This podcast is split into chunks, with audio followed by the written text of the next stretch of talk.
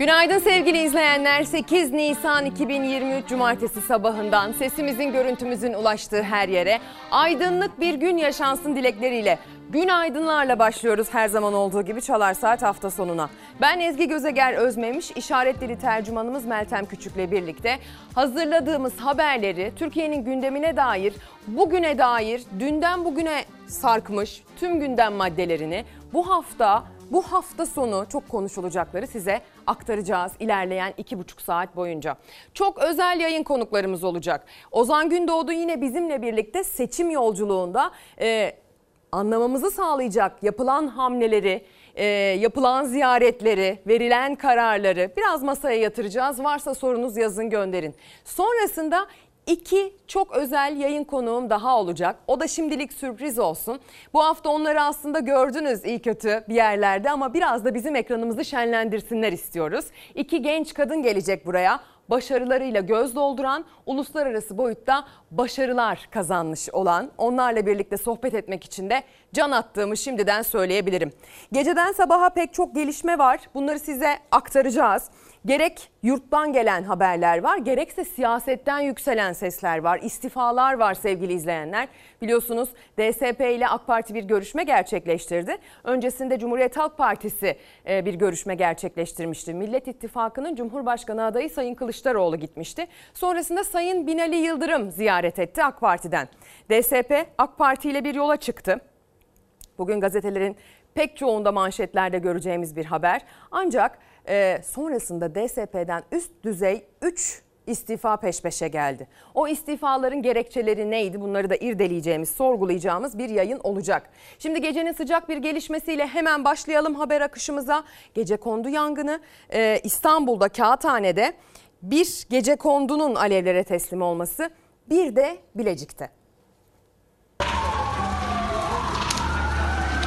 Geceyi alevler aydınlattı. Gece kondu, alev alev yandı, kül oldu.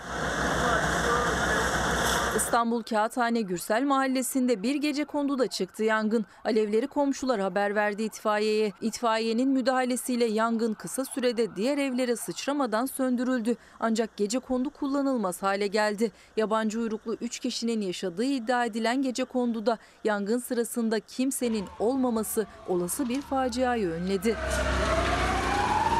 Bilecik'te de Ali Rıza Özkay Caddesi üzerindeki 5 katlı bir apartmanın giriş katındaki pasajın merdiven boşluğunda çıktı yangın. Apartmandaki vatandaşların uğraşı sonucu kontrol altına alındı alevler. İhbar üzerine olay yerine sağlık ve itfaiye ekipleri de geldi. Yangını duyan bir kişi de koşarak binaya girdi. İçeride kedisi vardı. Büyük bir telaşla evine çıkan apartman sakini kedisini alıp tekrar dışarı çıktı. Yangının kimliği belirsiz kişi ya da kişilerce yakılabileceği ihtimali üzerinde durulurken polis ekipleri olayla ilgili soruşturma başlattı. İsterseniz İrfan Tomakin'den yönetmenimizden isteyelim gazetelerimiz gelsin. Şöyle bir gazetelere bakalım isterseniz ilerleyen dakikalarda e, açıklanan listeler var. Kim nereden aday olacak buna dair bilgiler var. E, şu an yönetimde olan ve ileriki dönemde ne yapacağına dair kafalarda soru işareti olan isimlerin yaptıkları bir takım açıklamalar var. Bunları size anlatacağız, aktaracağız ama isterseniz Cumhuriyet Gazetesi'nden başlayarak bugünün manşetlerini teker teker okuyalım. Cumhuriyet milletin hedefi 400 sandalye manşetiyle çıkmış bugün. Kurmaylar beşli ortak liste için YSK'ya başvuru yaptı. Parlamenter sisteme en hızlı geçiş için mecliste 400 vekile ihtiyaç duyan Millet İttifakı beşli ortak liste formülünde uzlaştı. Demokrat, Deva, Gelecek ve Saadet partilerinin CHP listesinden seçime girmesi kararı alındı. Kurmaylar yeni ittifak protokolünü dün Yüksek Seçim Kurulu'na teslim etti. Millet İttifakı 476 milletvekili çıkaran 39 ilde en fazla sandalyeyi almayı hedefliyor. Bu formülle 30 vekil daha fazla çıkarılacağı belirtiliyor. İyi Parti'nin ise 15 ilde CHP ile fermuar liste hazırlaması bekleniyor. Kurmaylar tabanlar ortak listeye sıcak bakacaktır şeklinde görüş bildirmişler. Bu da Cumhuriyet'in manşetinde bugün kendine yer bulmuş. Şimdi bir kısmı gecenin sıcak gelişmesi. Hatta şöyle düzeltmeliyim belki bir kısmı gecenin soğuk gelişmesi. Yurtta hava durumu nasıl gelişti? Nisan'ın artık 8'indeyiz Baharı beklerken kışı yaşıyoruz. Ama bir yandan da toprağın susuz kalmasından çok endişeli olduğumuz, hatta musluğumuzdan su akmayacağından çok endişeli olduğumuz günlerden geçiyoruz. Yağmur yağsa mı, yağmasa mı? Çok arada kaldık. Nasıl bir kış geçirdik? Koskoca bir kış ne doğru düzgün yağ, yağmur yağdı ne de doğru düzgün kar. Sadece belirli bir dönem gerçekten hava çok soğuk oldu. Şubat ayının ilk haftasıydı. Havanın soğuk olacağını söylemiştik ve hatta bir pazar günü burada yayın yaptık. Dedik ki pazartesi günü itibariyle İstanbul'da kar bekleniyor. Okullar tatil olabilir. Şimdilik böyle bir açıklama yok ama İstanbul gibi büyük bir kent için az da olsa yağacak kar okulları tatil ettirebilir. Ee, öyle bir yağışlı hava bekliyoruz diye buradan haberlerini aktardık. 5 Şubat'tı tarih. 5 Şubat'tan 6 Şubat'a geçerken beklediğimiz en sıcak gelişme İstanbul'da ya da ci- civar illerde batıda hani çok kar karakteri olmayan illerde kar tatili haberi alacak mıyızdı. 6 Şubat'ta sabaha karşı saat 4.17'de Türkiye Cumhuriyeti tarihinin gördüğü en büyük felaketler silsilesini peş peşe yaşadık. Dolayısıyla aslında sadece belirli bir dönemde kış yaşadık. Kış takvimine baktığınız zaman o takvime uygun hava koşulu sadece o dönemde yaşandı. Ama o dönemde havanın o kadar soğuk, yağışlı, karlı olması gerçekten depremzedeler için içinde bulundukları acı durumu, içinde bulundukları çaresizliği daha da büyüten bir duruma dönüştü. Öbür taraftan başka bir meteorolojik afet kuraklık var. E, kuraklıktan bahsedeceğimiz haberlerimiz olacak ileride ama deprem bölgesine azıcık bir yağmur yağması bile çadırdaki yaşantıyı bu kadar zorlaştırırken yağmur yağsın diye dua ederken bile insan düşünmek zorunda hissediyor kendini. Şimdi Trabzon'a gideceğiz. Ardahan'a gideceğiz, Bayburt'a gideceğiz. Doğu Anadolu bölgesinde gece saatlerinde pek çok adreste kar etkili oldu. Biz beklerken gene kış geldi. Mevsim bahar ama kış henüz bitmedi. Doğu Anadolu'da bazı illerde yükseklere, bazı illerin kent merkezlerine ise kar düştü. Bayburt'ta karla kaplı yol kazaya neden oldu. Anne, baba ve 3 yaşındaki kızları hayatını kaybetti. Trabzon'da jandarma uzman çavuş olarak görev yapan Mikail Akbudak'ın kullandığı otomobil kar ve tipi nedeniyle kayganlaşan yolda kontrolden çıktı. Bayburt Gümüşhane Karayolu Akşarköy'ü yakınlarında devrildi. Kazada sürücü jandarma uzman çavuş Mikail Akbudak, eşi ve 3 yaşındaki kızları Gökçen Akbudak hayatlarını kaybetti. Hava sıcaklığının 10 derece birden düştüğü Erzincan'da da yoğun kar ve tipi nedeniyle sürücüler zor anlar yaşadı.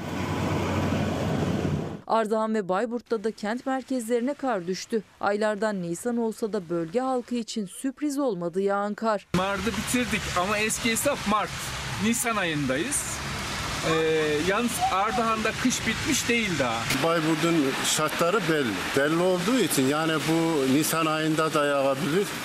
Ee, Mayıs'ın 15'ine kadar bizim memleketin şartlarında yani bizim henüz daha yaz mevsimine girmedik. Yozgat, Tunceli ve Erzurum'da da aniden düşen sıcaklıkla yağış kara döndü. Kaz Dağları'nda kış kuraklığı nedeniyle kuruma noktasına gelen dereler ve şelaleler bahar yağışlarıyla tekrar akmaya başladı. Bugün Ağrı, Erzurum, Kars ve Ardahan'da hava kar yağışlı. Karadeniz ve Doğu Anadolu'nun büyük bölümü yağmurlu. Yurdun diğer bölgelerinde bugün yağmur yok. Ancak yarın yağmur alan il sayısı artıyor. Meteoroloji yağışlar konusunda deprem bölgesini de bir kez daha uyardı. Osmaniye, Kahramanmaraş, Adıyaman ve Malatya'da kuvvetli yağışlar bekleniyor. Sevgili izleyenler tabii ki pek çok konu başlığımız var size aktaracak. Havadan da bahsedeceğiz. İlerleyen günlerde havanın nasıl olduğunu da size aktarmaya çalışacağız. Bu hafta sonundan bahsedeceğiz hatta hemen şimdi. Ee, ama tabii ki asıl gündem maddemiz seçim.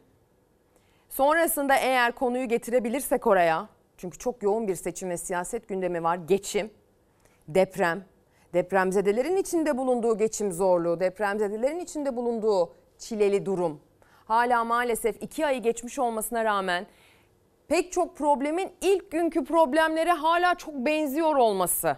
İlk gün neydi? Olası problemler bir afetten sonra olası problem nedir? Barınma, gıdaya erişim, işte suya erişim e, falan güvenlik gibi problemlerdir. E, bölgede çadırlardan hırsızlık yapıldığına dair bir iddia var mesela.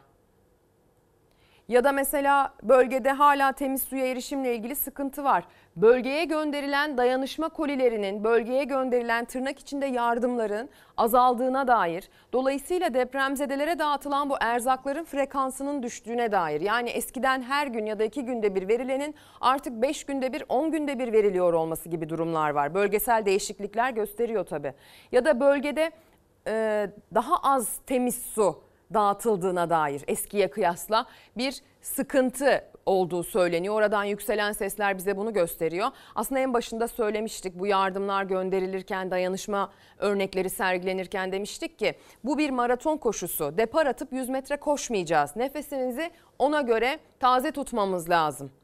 Birdenbire soluksuz kalmanın bir manası yok. Sonrasında daha fazla faydalı olabilmek için, sürdürülebilir bir dayanışma için nefesinizi ona göre ayarlayın diye rica etmiştik. Uzmanların bu, buna benzer söylemlerine yer açmıştık burada. Galiba tam da maalesef korkulduğu gibi oluyor. Şu an bölgeye dayanışma anlamında bir düşüşlük düşüş yaşandığı e, söyleniyor sevgili izleyenler. Bundan da bahsedeceğiz ilerleyen dakikalarda. Ama isterseniz madem bugün asıl e, gündem maddemiz siyaset olmak zorunda, seçim olmak zorunda. Bir e, seçime dair bir başlık atalım İrfan Tomak'in seçim hesapları diyelim. Çünkü herkes hesap başı, peşinde. E, bu hesap kelimesi tırnak içinde. Bunu iyi anlamda da algılayabilirsiniz, kötü anlamda da algılayabilirsiniz. Bunu siyasetin doğası gereği yapılmış hesap olarak da düşünebilirsiniz.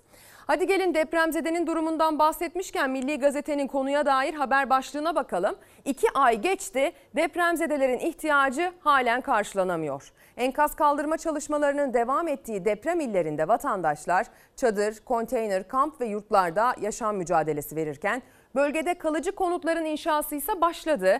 Diğer taraftan 50 binden fazla vatandaşımızın hayatını kaybettiği felakette onlarca vatandaş bulunamazken yüzlerce vatandaşsa kimsesizler mezarlığında yatıyor. Kahramanmaraş merkezli 7,7 ve 7,6 büyüklüğünde meydana gelen depremler 11 ilde büyük bir yıkıma yol açtı diyor Milli Gazete.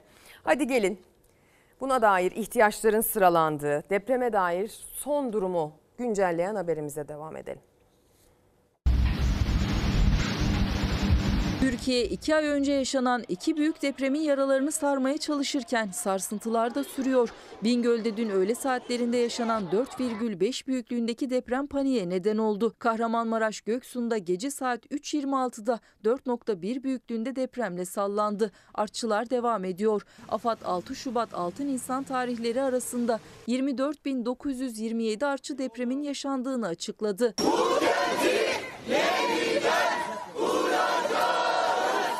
enkazların yaratacağı sağlık sorunlarını toz ve asbest görmezden geliniyor. Hatay Samandağ'da sağlıklı nefes bile bir ihtiyaç. Depremin ikinci ayında düzenlenen yürüyüşte de kontrolsüz kaldırılan enkazlara tepki gösterildi. Temiz havaya, gıdaya, suya, hijyen malzemesine duyulan ihtiyaca dikkat çekildi. Enkazlar hiçbir önlem alınmadan, e, yönetmelikler hiçbir şekilde uygulanmadan kaldırılıyor. Otogarlarda yoğun deprem bölgesinde evini kaybeden başka bir şehre sığınanlar memleketlerine dönmeye başladı. Depremden hemen sonra Hatay'dan Alanya'ya giden aile de gözü yaşlı döndü. Benden sonra mı gitmiştiniz? E niye geldiniz geri hemen soralım size. İnsanın eti ağırdır. Çadır kuracağız burada. Çok. Ölümden döndük. Kimi ailesinin kimi bir hayırseverin yanına sığınmıştı. Döndüklerinde memleketleri hatırladıklarından çok farklıydı. Şehirlerine döndüler ama evlerine dönemediler.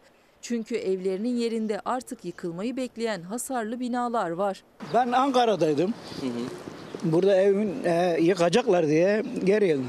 Eşyalarım vardı. Onu kaldırmaya geldim yani çıkartmaya geldim.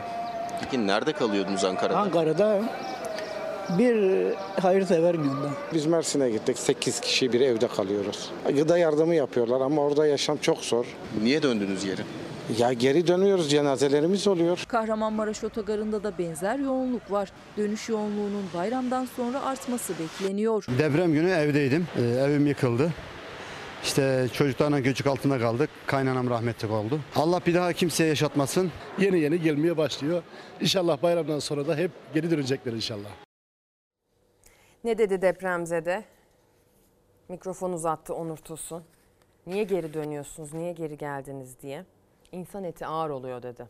Şimdi pek çok depremzede akrabalarının yanında kalmak zorunda. Farklı illere dağılmış durumda. Bu anlamda bir verisizlik var.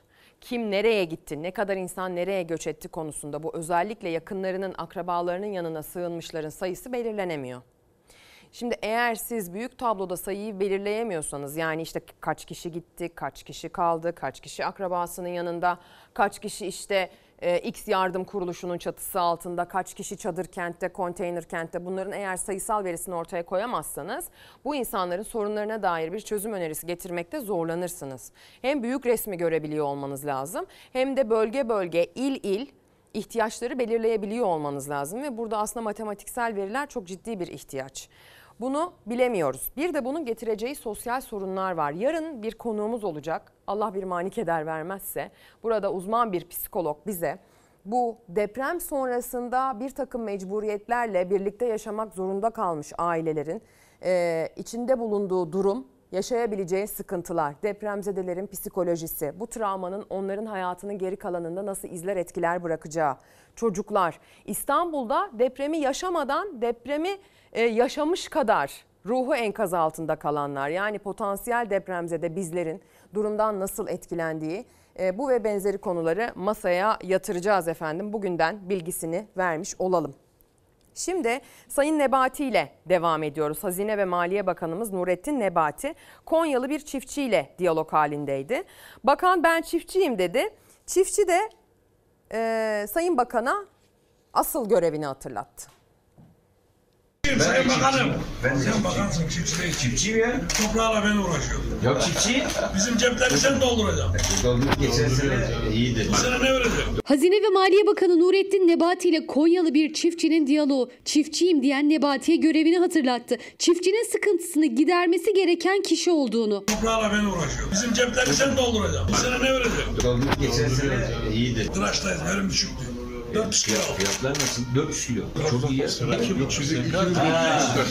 İş adamıyla iş adamı gibi konuşuruz. Çiftçiyle çiftçinin dilinden konuşuruz. Bir habbe tanesinin bir başa nasıl gelişini çiftçi anlayışıyla dilimize vurur söylemlerimiz. 5 ay önce tarıma hatta tohumun başa dönüşümüne kadar her evresini bilirim iddiasını bu sözlerle ortaya koymuştu Bakan Nebati. Ama tahıl ambarı Konya'da bir çiftçinin karşısında verim ve dönüm kavramlarıyla ilk geri adımı atmak zorunda kaldı yaşadığı diyalogta. Öyle ki çiftçi Nebati'ye artan üretim maliyetlerinden yakındı. Bir de gübremizi ayarlasanız bir şey istemeyiz. Gübre de mağdur. Bir, birkaç yıl kalmaz o iş çözülür. Vallahi mağdur gübrede.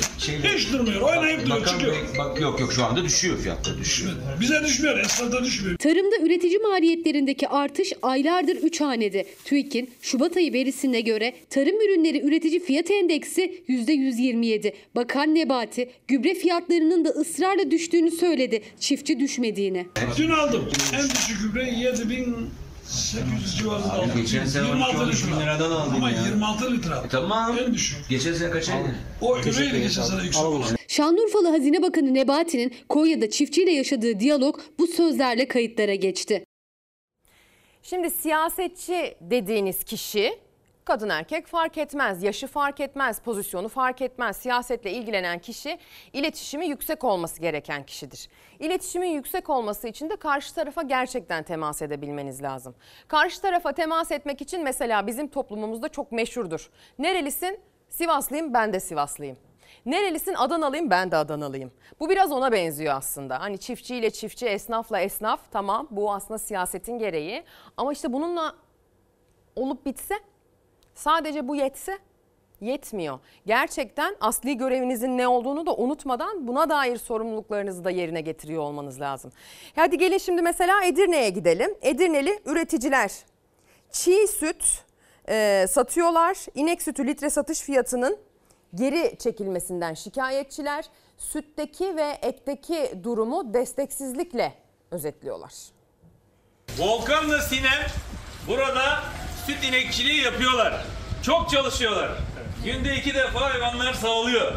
Üç hatta. Üç hatta. Üç kere sağıyorsunuz. Üç defa Ama yeme çalışıyor. Evet. Evet. Bir de süt fiyatlarını 11 liradan 10 liraya düşürdüler. Siz evlisiniz. Kazanmak istiyoruz yani. Kazanmak istiyoruz Evet, yani. gibi. Evet. Değil mi? Geleceğe yatırım yapmak istiyoruz. Evet. Çocuklarınızı daha sağlıklı bir ortamda büyütmek istiyorsunuz. Onların her ihtiyaçlarını karşılamak istiyorsunuz. O da bu hayvanlardan karşılanıyor. Evet. Ya onlar onlar bizim geçim kaynağımız. Geçim kaynağı. Hayvancılığı seviyorsunuz. Evet. Evet. Doğduk büyüdük hayvanlar. Ana mesleğim bu. Evet. Babamın koyunları vardı geldim hayvanlardan hep tuttum gene aynı yaptım öyle. Evet. Aynı. Seviyorsunuz ama para kazanamayınca ne yapacaksınız yani?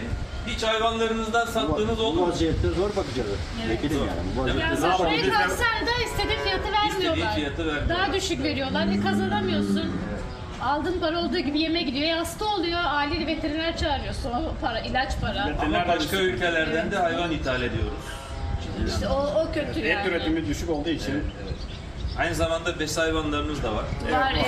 Biz hayvanlarımız da var. Yani Türkiye'de hayvancılık niye desteklenmiyor? Hayvancılık yapmak isteyen genç kardeşlerimiz var. Aile işletmeleri var. Sadece istedikleri biraz destek. Devletin biraz el uzatması.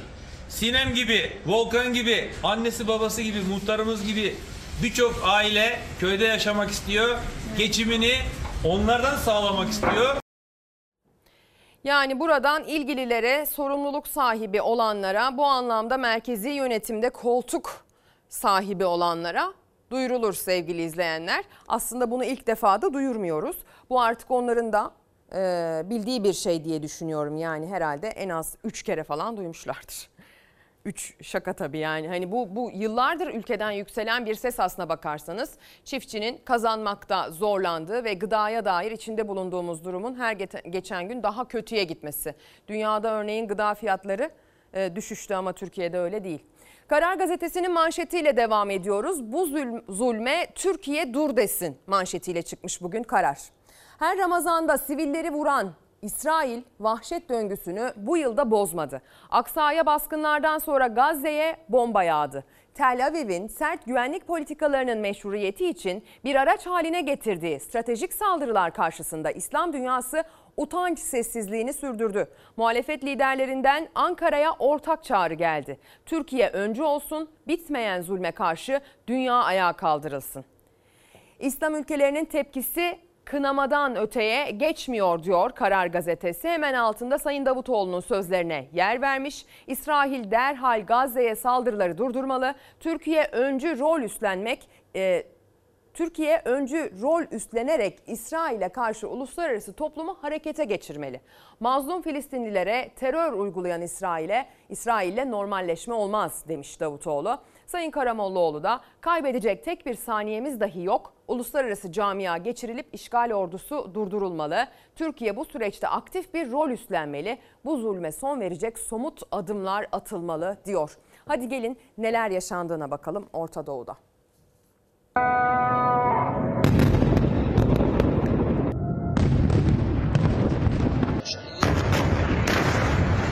Müslümanların ilk kıblesi Mescid-i Aksa'yı basıp sivillere saldıran İsrail, şimdi de Gazze ve Lübnan'ı hedef aldı.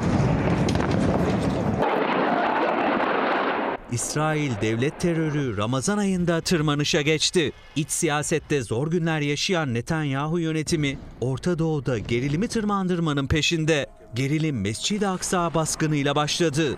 Filistinli gruplar İsrail zorbalığına Gazze ve Lübnan'dan atılan roketlerle yanıt verdi. Başbakan Netanyahu kabineyi acil topladı. Düşmanlarımız ağır bedel ödeyecek dedi. İsrail ordusu abluk altındaki Gazze ve Lübnan'a hava saldırısı başlattı. İsrail'in saldırısını lanetliyorum. İsrail'e çağrımız hava saldırılarını kalıcı olarak durdurması gerekiyor. İsrail'in Gazze'ye yönelik saldırılarını kınıyorum. Yerimiz bellidir. Filistin'in yanıdır. İsrail'in son saldırıları işgal altındaki Doğu Kudüs'te de tansiyonu yükseltti. Sabah namazı için Mescid-i Aksa'ya gelen Filistinliler İsrail güçlerinin coplu saldırısıyla karşılaştı. İsrail'in saldırılarına Türkiye'den tepki yağdı. Hem iktidar hem de muhalefet İsrail devlet terörüne sert sözlerle tepki gösterdi. Netanyahu yönetimine zalimliğe son verme çağrısı yaptı. İşte Orta Doğu'da durum maalesef bu her Ramazan'da olduğu gibi yine İsrail yapacağını yapıyor sevgili izleyenler. Devam edelim. Mesajlarınıza bakacağız. Seçim hesapları başlığını attık bu sabah. Ee, Gülay Hanım diyor ki seçim hesapları ne olursa olsun son söz seçmenin olacak. Bizlerin tek derdi geçim diye yazmış, yollamış. Sevgi dolu günaydınlar geliyor. Bakın Samsun'dan, Burdur'dan, Adana'dan, Ekipçe başarılar diliyorum demiş Beril Hanım. Teşekkür ederiz. Olimpos'tan, Antalya'dan, Kadir Bey'den teşekkür ediyoruz. Gelen mesajlara, günaydın dileklerine birbirimizin gününü aydınlatmaya, birbirimizin elinden tutmaya ihtiyacımız var. O yüzden bu hani genel geçer söyleniyormuş gibi olsa da tek bir günaydının dahi hepimiz için önemli olduğunun altını çizelim. Vatandaş e, aile ekonomi hesaplarıyla o kadar meşgul ki seçim hesaplarına pek zaman kalmıyor demiş bir izleyicimiz de. Evet gerçekten millet geçim derdinden konuyu seçime getiremiyor ama belki de siz farklı yaşıyorsunuzdur bilmiyorum ama benim girdiğim her türlü toplulukta aile, arkadaş, iş, sosyal ortam hiç fark etmeksizin konu bir şekilde hep seçime geliyor. Hadi gelin gazetelerden bakalım. Karar Gazetesi'nin manşetini ok- okuduk. Bir diğer detay MHP'nin listesine parmakla işaret ediyor. Kılavuzda MHP tercihi seçilmesi zor sıra. MHP'de 48 vekilden 5'i aday gösterilmedi. Listede en dikkat çeken vekil Ülke Ocakları eski başkanı Sinan Ateş'in öldürülmesinde kilit isim Tolgahan Demirbaş'ı evinde sakladığı iddia edilen Olcay Kılavuz oldu. 2018'de Mersin'de liste başı olan Kılavuz bu kez iki vekil çıkarılan ilde dördüncü sırada gösterildi. Bu karar MHP Kılavuz'un dokunulmazlığının kaldırılmasında yolu açtı şeklinde yorumlandı. Reis filminde Emine Erdoğan'ı canlandıran oyuncu Özlem Balcı da Muğla birinci sıra milletvekili aday adayı oldu. Hatta artık adayı oldu deniyor Karar Gazetesi MHP'ye dair verdiği bu haberde. Bir diğer analiz başlığı bu konuyla ilgili Bir Gün Gazetesi'nin ilk sayfasında yer almış. Cumhur'da hesap seçim sonrası için başlığı atılmış bu analize. Kendi listeleriyle seçime katılma kararı alan MHP adaylarını YSK'ya sunarken uzmanlara göre bu adım seçim sonrası düşünülerek atıldı.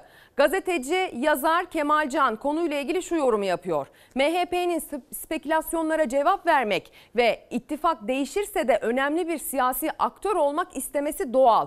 Sosyolog Sevinç Doğan da Cumhur bir e, çıkar birliği ittifakı dağıldığında muhafazakar oylar da dağılabilir şeklinde ifade ediyor görüşünü. Profesör Doktor Tosun Cumhur İttifakı'nın kaybetmesi halinde milliyetçi partiler arasında bir rekabet yaşanacağına dikkat çekiyor. Gazeteci Bozkurt ise bu hamle için bunun altında yatan neden MHP'li seçmenin AKP'ye oy vermek istememesi de olabilir şeklinde yorumlamış. Hadi gelin MHP'nin kendi kurumsal kimliğini öne aldığı açıklamasıyla ve bunun siyaseti nasıl konuşturduğuyla devam edelim.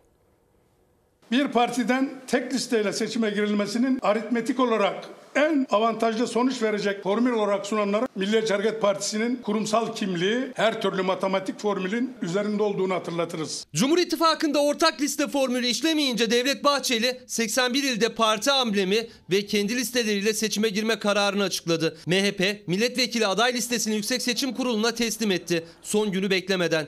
Kurumsal kimlik her türlü formülün üzerindedir mesajı vererek. Gazi Meclis'te nitelikli bir çoğunlukla gireceğiz. Devlet Bahçeli memleketi Osmaniye'den birinci sıradan milletvekili adayı. Kurmaylarının tamamını da illerde liste başından aday gösterdi. Listenin sürprizi Olcay Kılavuz. Sinan Ateş cinayetinde ismi geçen MHP Mersin Milletvekili Olcay Kılavuz Mersin 4. sıradan aday. Sinan Ateş bizim de evladımız. Bahçeli şunu çok açık ve net bilsin. Yanında azmettiricileri barındırıyorsun. Teslim edeceksin. Kılıçdaroğlu gözün kesiyorsa buraya gel. Tek bir evladımı al da senin ciğerinin kaç okka ettiğini göreyim. Sinan Ateş cinayetinin tetikçisini Ankara dışına kaçırdığı iddia edilen Tolgahan Demirbaş, Olcay Kılavuz'un bulunduğu evde gözaltına alınmış. Kılavuz'un polislere direndiği iddia edilmişti. 2018'de Mersin'de birinci sıradan aday olarak meclise giren Kılavuz, 28. dönem milletvekili listesinde Mersin 4. sıradan aday gösterildi. Herkesin bildiği bir sır. Bizim evladımızın katili meclistedir. Liderimiz Sayın Devlet Bahçeli Bey'in takdir ve ve tensipleriyle 28. dönem milletvekilliği seçimlerinde MHP Mersin milletvekili adayı olan tüm dava arkadaşlarımıza tebriklerimi sunuyorum. MHP'nin iki milletvekili çıkardığı Mersin'de Olcay Kılavuz'un liste başında değil dördüncü sırada yer alması seçilme ihtimalinin zora girmesi Sinan Ateş etkisi olarak yorumlandı. Kılavuz seçilemezse dokunulmazlığını kaybedecek. Sinan Ateş'in bir dönem danışmanlığını yaptığı İsmet Büyükatamansa Ateş'in memleketi Bursa'dan birinci sıradan aday gösterildi. 600 adayımız arasında 510'u erkek, 90'ı kadın adayımızdır. MHP'de 6 ilde kadınlar liste başı. Ceza infaz düzenlemesiyle cezaevinden çıkan Alaaddin Çakıcı'ya yakınlığıyla bilinen Vahit Kayrıcı Çorum birinci sıradan aday gösterildi Bahçeli tarafından. 1978'deki Bahçeli Evler katliamının sanıklarından savcı Doğan Öz cinayetinin de sanığı olan MHP MYK üyesi İbrahim Çiftçi de Ankara 1. bölgeden milletvekili adayı oldu. Kahramanmaraş milletvekili Sefer Aycan'ın da aralarında olduğu 5 milletvekili ise 28. dönem listesinde yer bulamadı. Ozan Gündoğdu, Fox Haber ekonomi ve siyaset yorumcusu arkadaşım stüdyomuzda her zaman olduğu gibi. Günaydın, nasılsın Günaydın. Ozan? İyi Ezgi sen nasılsın? İyiyim, hoş geldin. Hoş bulduk. Şimdi e, liste telaşı tabii son sürat devam ediyor artık son gün yaklaştı. Dolayısıyla buna dair e, bir takım gelişmeler, açıklamalar yansıdı. MHP'deki durum bu şekilde. Bunu yorumlamanı rica edeceğim. DSP'deki durum bambaşka. Orada 3 istifa geldi genel başkan yardımcısı düzeyinde peş peşe. E, onun haricinde dün itibariyle aslında çok tartıştığımız başka konular da var ama bunlardan bir giriş yapalım sonra devam MHP, edelim. MHP'nin tavrı aslında sürpriz olan. Yani bu seçimin en büyük sürprizlerinden bir tanesi MHP'nin tavrıydı. Çünkü bir sene evvele gidelim, bir sene önceye gidelim. E, yeni parlamenter parlamentonun oluşumundaki seçim yasası yani o milletvekilliği dağılımının sistemi değişti. Yeni bir seçim yasası geldi. Geçen sene tam da bu zamanlar bu seçim yasası şunu öngörüyordu. İttifak halinde girebilirsiniz fakat ortak bir listeden girerseniz daha avantajlı bir sonuç çıkar.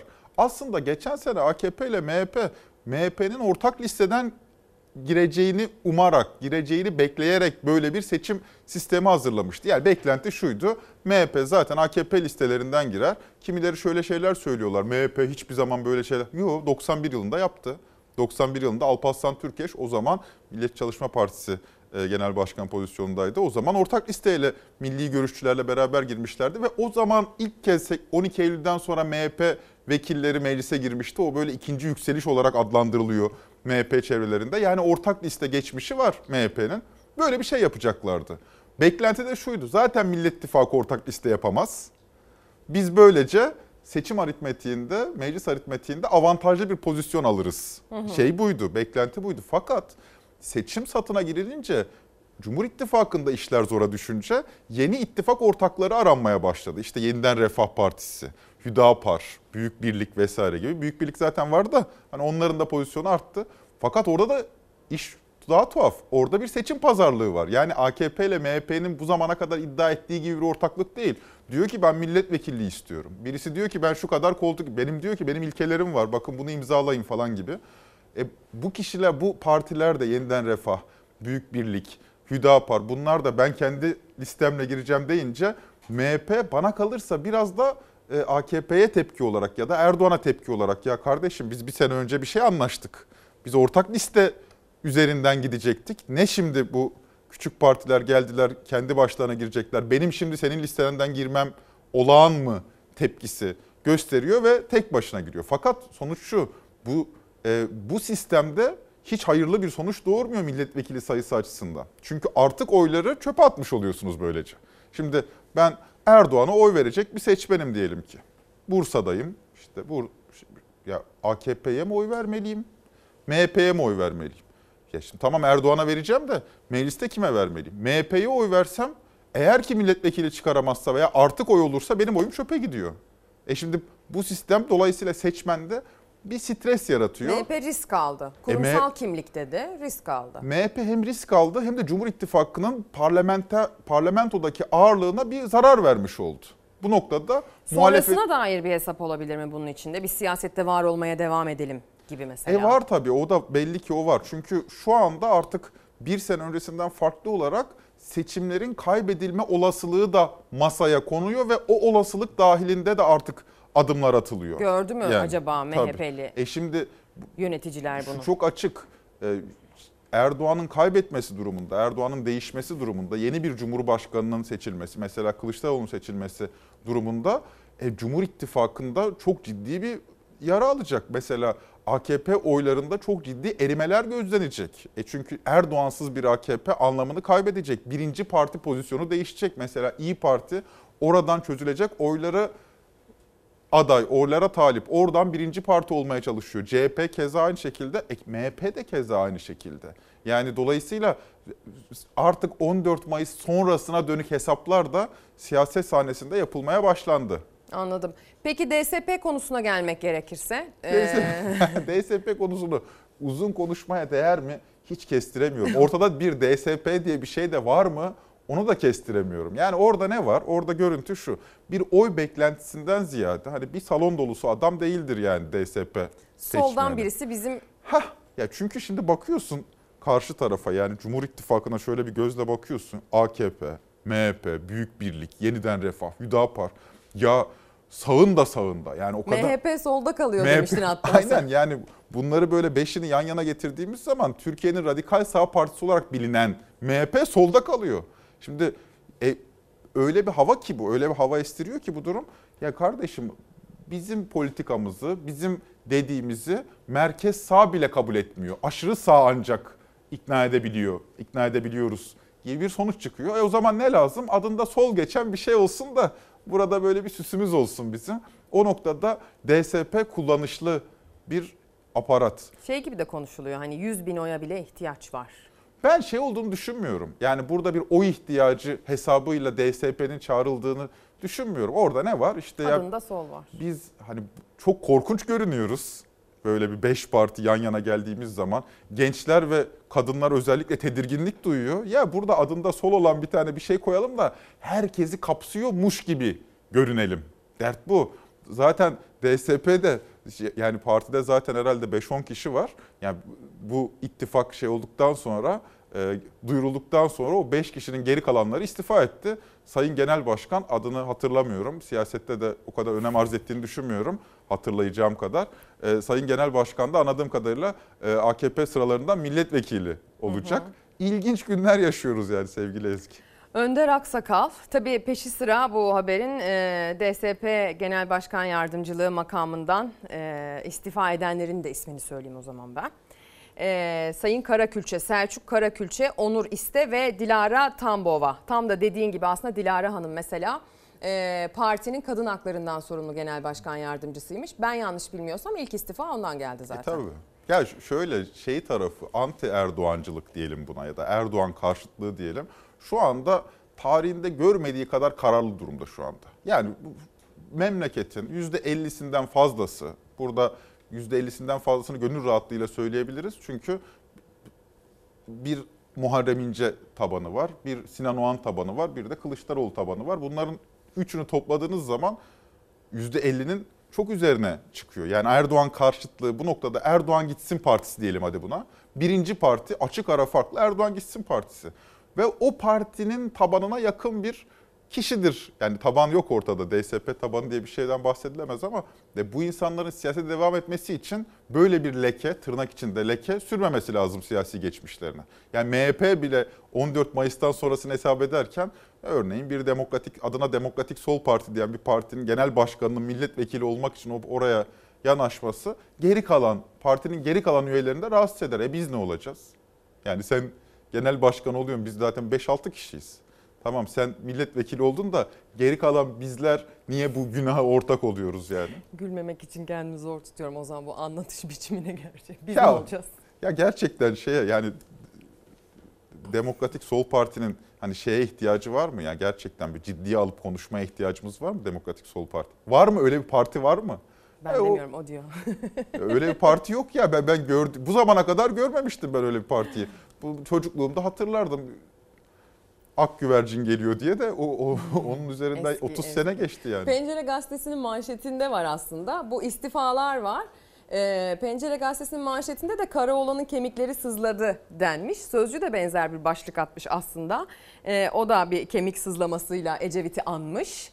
E, başlığında e, böyle bir durum galiba Ben- söz konusu ben- oldu. ben- Ortak bir fikir gazetelere de yansıdı. Ha yani yine Sözcü gazetesi. Merhum Ecevit'in kemikleri sızladı. Aynen. Yani ben birinci sayfa editörü olsam birinci sayfaya bile almam. Ya bu haber değeri çok düşük bana kalırsa yani.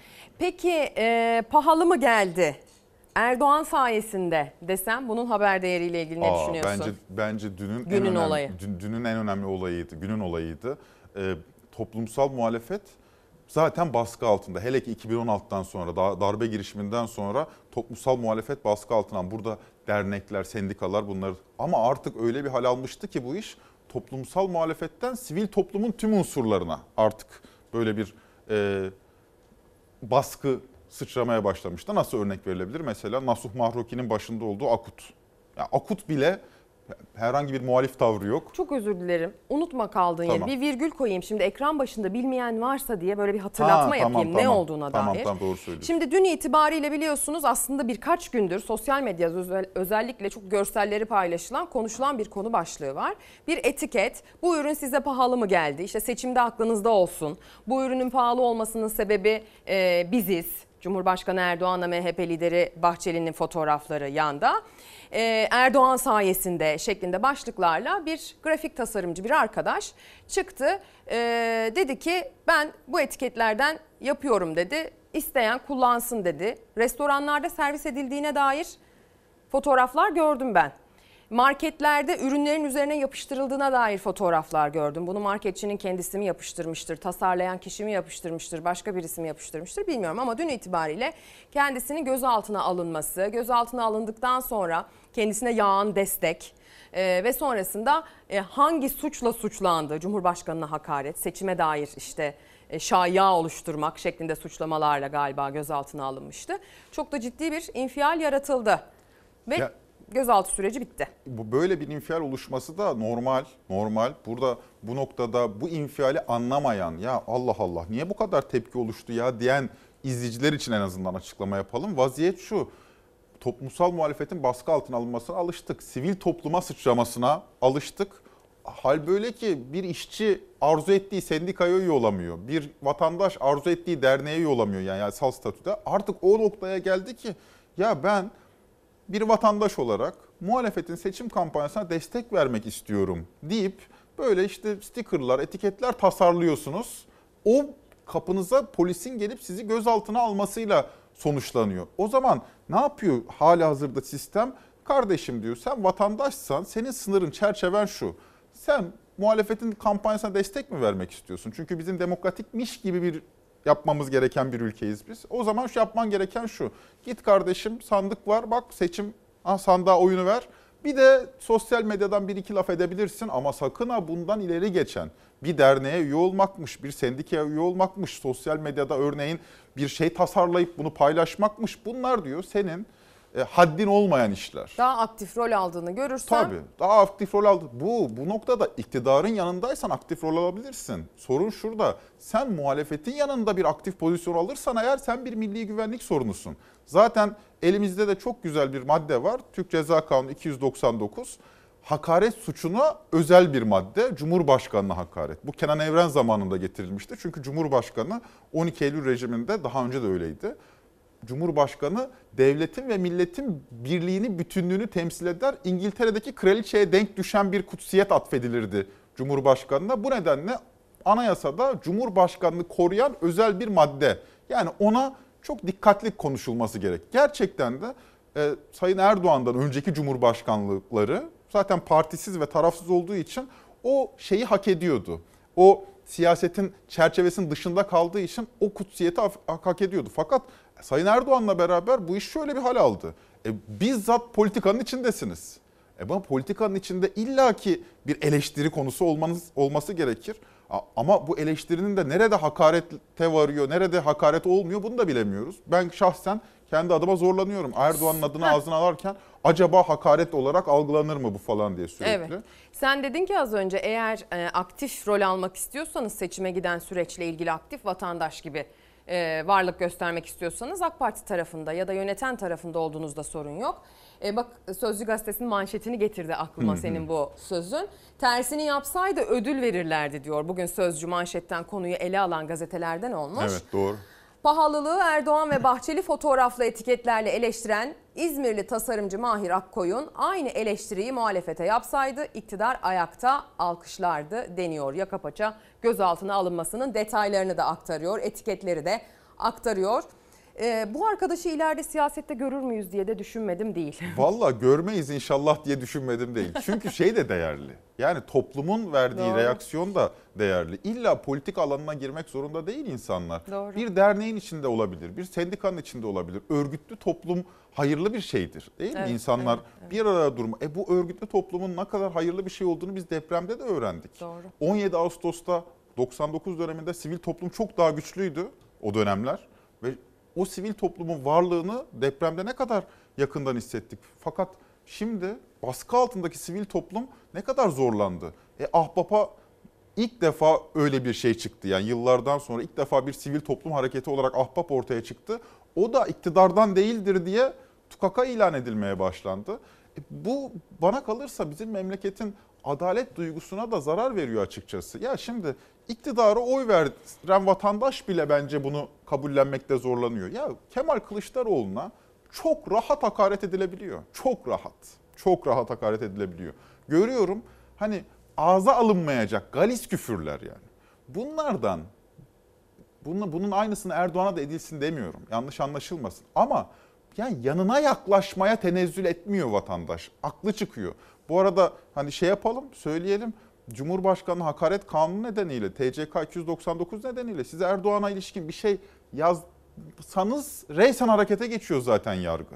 Yani böyle bir böyle bir adaletsiz tablo bana kalırsa bizim insanımızın adalet duygusunu yozlaştırıyor. Buna adil diyor isek biz, bu adil bir yarıştır. Böyle bir yarış adildir diyorsak bizim adalet duygumuz artık yozlaşmıştır. Erozyona uğramıştır Erozyona diyorsun. uğramıştır tabii. Bugünü saymazsak 36 gün kaldı seçime. Ee, bundan işte 20 gün önce konuştuğumuzda mesela seninle böyle giderse şöyle olur gibi fikirlerin vardı. Değişti mi? Değişmedi. Çünkü şu var. İlk defa bir şey yaşıyoruz sevgili Ezgi. 21 yıldır ilk defa yaşıyoruz. 21 yıldır ilk defa e, seçim satında oyunu arttırmak zorunda olan taraf Erdoğan'ın kendisi. Bu zamana kadar hep şöyle oluyordu. Erdoğan oyunu korumak durumundaydı. Yani zaten kazanacak pozisyonda seçime doğru ilerliyordu ve oyunu korumak durumundaydı. O ne yapıyordu? İşte mümkün olduğunca nutuk atıyor, mümkün olduğunca kamplaşmayı derinleştiriyor. Bu şekilde seçime gidiyordu. Ama bu sefer öyle değil. Bu sefer önümüzdeki 36 gün boyunca oyunu arttırmak zorunda olan tarafın kendisi Erdoğan ve bir şey sunması lazım insanlara. Bir vaat, bir proje sunması lazım. Ha, şöyle olsaydı son 5 yıl harika geçti. Herkes çok mutlu olsaydı hiç gerek yok projeye. Aynen devam. Değil mi? 2011'deki gibi. Durmak yok yola devam. Şimdi durmak yok yola devam deseniz millet güler. Yani inşallah devam etmeyiz der. Çünkü son 5 yıl 85 milyon kabul edecektir. Yani partisi ayırt etmeksizin son 5 yıl kabus gibiydi. Enflasyonu, sel felaketleri, yangın felaketleri, deprem, dış politikada hasarlar, içeride işsizlik vesaire. Yani korkunç. Maden faciaları. Maden faciaları hepimizin gerim Pandemi. gerim gerildiği 5 yıldı. Bunun böyle devam edeceğini söylerseniz eğer oyunuzu arttıramazsınız. Çok açık bu. Bir proje sunmanız lazım, bir vaat sunmanız lazım. Fakat henüz bir proje dinlemedik Erdoğan'dan. Yerli otomobil, deprem konutları, sosyal konut projesi. Ya bunlar belediye projeleri, ülke yönetiyorsunuz. İşe yaramaz mı? Ya bunlar ya bunlar işe mutlaka yarar. Zaten Türkiye'deki politik kamplaşma bu noktada başarısız siyasetin en büyük destekçisi. Hiçbir şey yapmasanız bile, son derece saçma şeyler yapsanız bile her açıdan değerlendiriyor. Yani muhalefet açısından da iktidar açısından da mutlaka bir desteğiniz var zaten. Ama bir dehşet dengesi var. Yüzde en fazla oyunuz yüzde 52 olmuş. Yani şimdi deseniz ki benim tabanım zaten yüzde 65-70. Hani Daha dersin rahat ki daha rahatsın. Ama bir dehşet dengesi var. 600-700 bin kişi tavır değiştirse iş bozuluyor. E, hal böyle olunca bir şey sunmanız lazım. Ne diyeceksiniz? Ben iktidara devam ettiğim takdirde soğan fiyatları düşecek. Nasıl düşecek? Hadi böyle bir iddianız var. Nasıl düşecek? İşte şöyle şöyle yapacağız. E niye yapmadın? Ya orada e, iktidarın dili, motivasyonu tümüyle çürüyor. O zaman nasıl motive edeceksiniz insanları? Yani sizin arkanızda nasıl duracaksınız? Orada Melih Gökçek stil bir e, kampanyayla karşı karşıyayız. Melik Gökçek mesela şunu söylüyor. Diyor ki Erdoğan kaybederse çocuklarınız eşcinsel olacak diyor.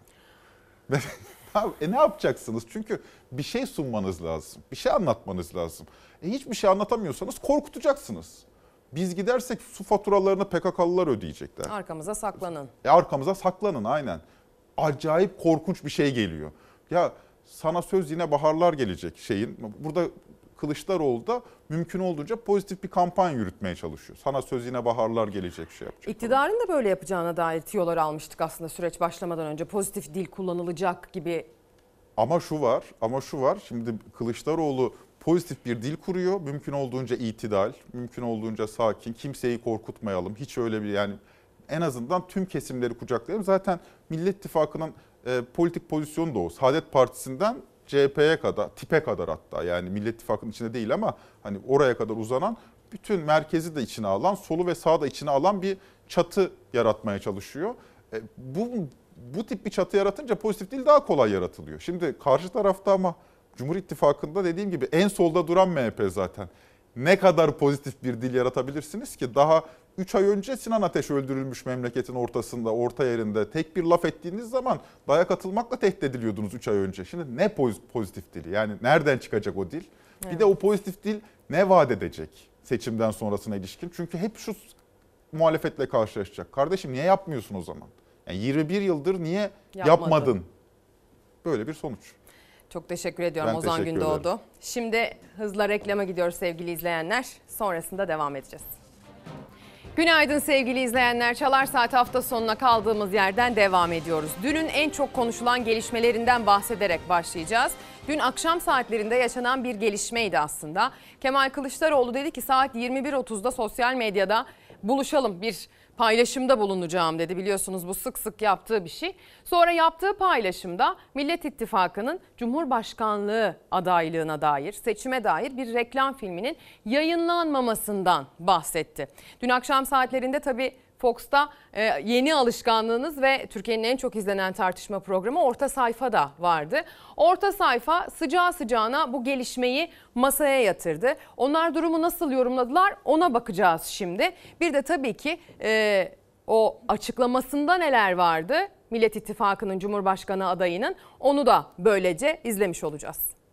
Millet İttifakı'nın Cumhurbaşkanı adayı Kılıçdaroğlu sosyal medyadan önemli açıklamalar yaptı. Buna bir bakalım. Bu kadrolarıyla Kemal Bey'in uzun zamandır üzerine çalıştığı bir şey. Burada kimseyi de itham da etmiyor ki Ahmet çaldı geri alacağım demiyor. Mehmet çaldı geri alacağım demiyor. Yani neden bu reklam filmini e, yayınlamadıklarını anlamaya çalışıyorum diğer televizyon kanallarının. Bunu ayrı bir reklam olarak e, Kemal Bey yayın yaptırdı. Bu çok önemli bir şey. Seçmene direkt ulaşma açısından. E, bunun etkisi ne olur? Sandıklara etkisi nasıl yansır? Bu paranın geri çekilme olası e, şeyi e, vaadi, Kemal Bey tarafından yapılan bu vaat e, etkisini gösterir mi? Bence gösterir. E, anladığım kadarıyla bu 418 milyar dolarlık hesap e, parti kadrolarında dışarıdan da içeriden de uzman e, kişiler tarafından e, uzun sürebilecek bir çalışmayla hazırlanmış bir çalışma. Zaten kendileri de şimdi söylediler bine yakın şirket dedi. 20 yıl boyunca bine yakın şirket. Yani beşli çete ve beş aslında bir sembole dönüşmüş durumda. Beşle sınırlı değil. Onu bir kere hani görmek ve altını çizmek gerekiyor. Ee, bir parantez açıp reklamla ilgili görüşümü söyleyeyim. Burada hukuki bir problem yok. Çünkü bir adlandırma yok. Bir isimlendirme yok senin de söylediğin gibi. Ki bir... sen aynı zamanda bir hukukçusun e, hakim durumun kötüye kullanılması açısından bakar rekabet kurumu burada bir hakim durumun kötüye kullanılması gibi bir durum da yok. Haksız rekabet yol açacak bir durum da yok yine isimlendirme olmadığı için. E, burada herhalde bir durumdan vazife çıkarma ya da işte bir, bir takım demin saydığınız korkular, kaygılar ve çekingenlikler rol oynamış olabilir ama bu 418 milyar dolar meselesi üzerinde ben çok çalışılmış bir mesele olduğunu biliyorum. Birçoğu da kamu ihalelerinden e, kaynaklanıyor. Senin saydığın madde maddeleri hatırlattın. E, sermaye piyasaları ile ilgili kısmı var. Borsa ile ilgili kısmı var. E, yani birden fazla sütunu ve ayağı olan e, bir çalışma içinde e, devletin denetim kurullarında çalışmış olan kişilerin de e, yer aldığı. Bence evet. Kemal Bey taktiksel olarak ve bir strateji güderek şu aşamada çok ayrıntıya girmiyor. Öyle bir manevra yaptı ki Kılıçdaroğlu belki hepsi yani bütün kanallar oynatsaydı belki bir tane reklam filmi olarak algılanacaktı. Şimdi bakın biz burada konuşuyoruz mesela. Başka Doğru. yerlerde de konuşuluyor. Doğru. Dikkatler buraya çevrildi. Fakat bu işin hani Nevşin de Çiğdem de bahsetti. Bu işin bir tane adı var arkadaşlar. Bunun adı baskı ortamıdır. Bunun adı baskı ortamıdır. Burada Rütük'ün ben devreye girdiğini de zannetmiyorum. Burada hakikaten başka mekanizmalar çalışmış. Bir yayın durdurma mı gelir şey endişesi yaşadılar? Ne diyorsun? Otosansürün kaynağı o mu? Olabilir çok da muhtemel. Yani Mahkemelerden bir yayın durdurma mı acaba Murat gelir? Valla ben öte o, o kadarına bile demiyorum. Yani belki şöyle bir hani aba altından sopa gösterme var. Yani bunu yayınlarsanız bak başka reklam verdirtmeyiz size falan. Bu işin ne kadar e, zorda ve çaresizlik içinde olduğunu gösteriyor. Hüdapar e, 150 bin oyu var. İşte DSP'nin bilmiyorum yani kaç tane oyu var. Birazdan geleceğiz herhalde oraya. Var- Onlardan var bile bende bir takım medet şeyler. umduğu bir dönemde e, bu kadar bu- buraya kadar indirmesini bu baskı ortamını ben doğal buluyorum. Kemal Kılıçdaroğlu dün akşam saatlerinde sosyal medyadan yaptığı paylaşımda dedi ki bir reklam filmi hazırladık. Bu reklam filminde de hazineden çalınan 418 milyar dolarla ilgili laflar ettim. Ve bu reklam filmi bazı kanallar tarafından yayınlanmadı, geri döndü şeklinde bir açıklama yaptı. O reklam filmi de sonrasında sosyal mecralarda tabii ki paylaşıldı. Reklam filmi içerisinde aslında her zaman söylediği Kılıçdaroğlu'nun 418 milyar doları alacağım vatandaşa dağıtacağım gibi söylemler vardı. Biliyorsunuz sana söz şeklinde bir e, slogan da kullanıyor Millet İttifakı bu kampanya başlığı altında. Bundan bahsettiği bir reklam filmiydi ama bu reklam filmi e, bir şekilde aslında sansürlenmiş oldu. Bir şekilde dönmedi e, kanallarda, televizyonlarda diyebiliriz.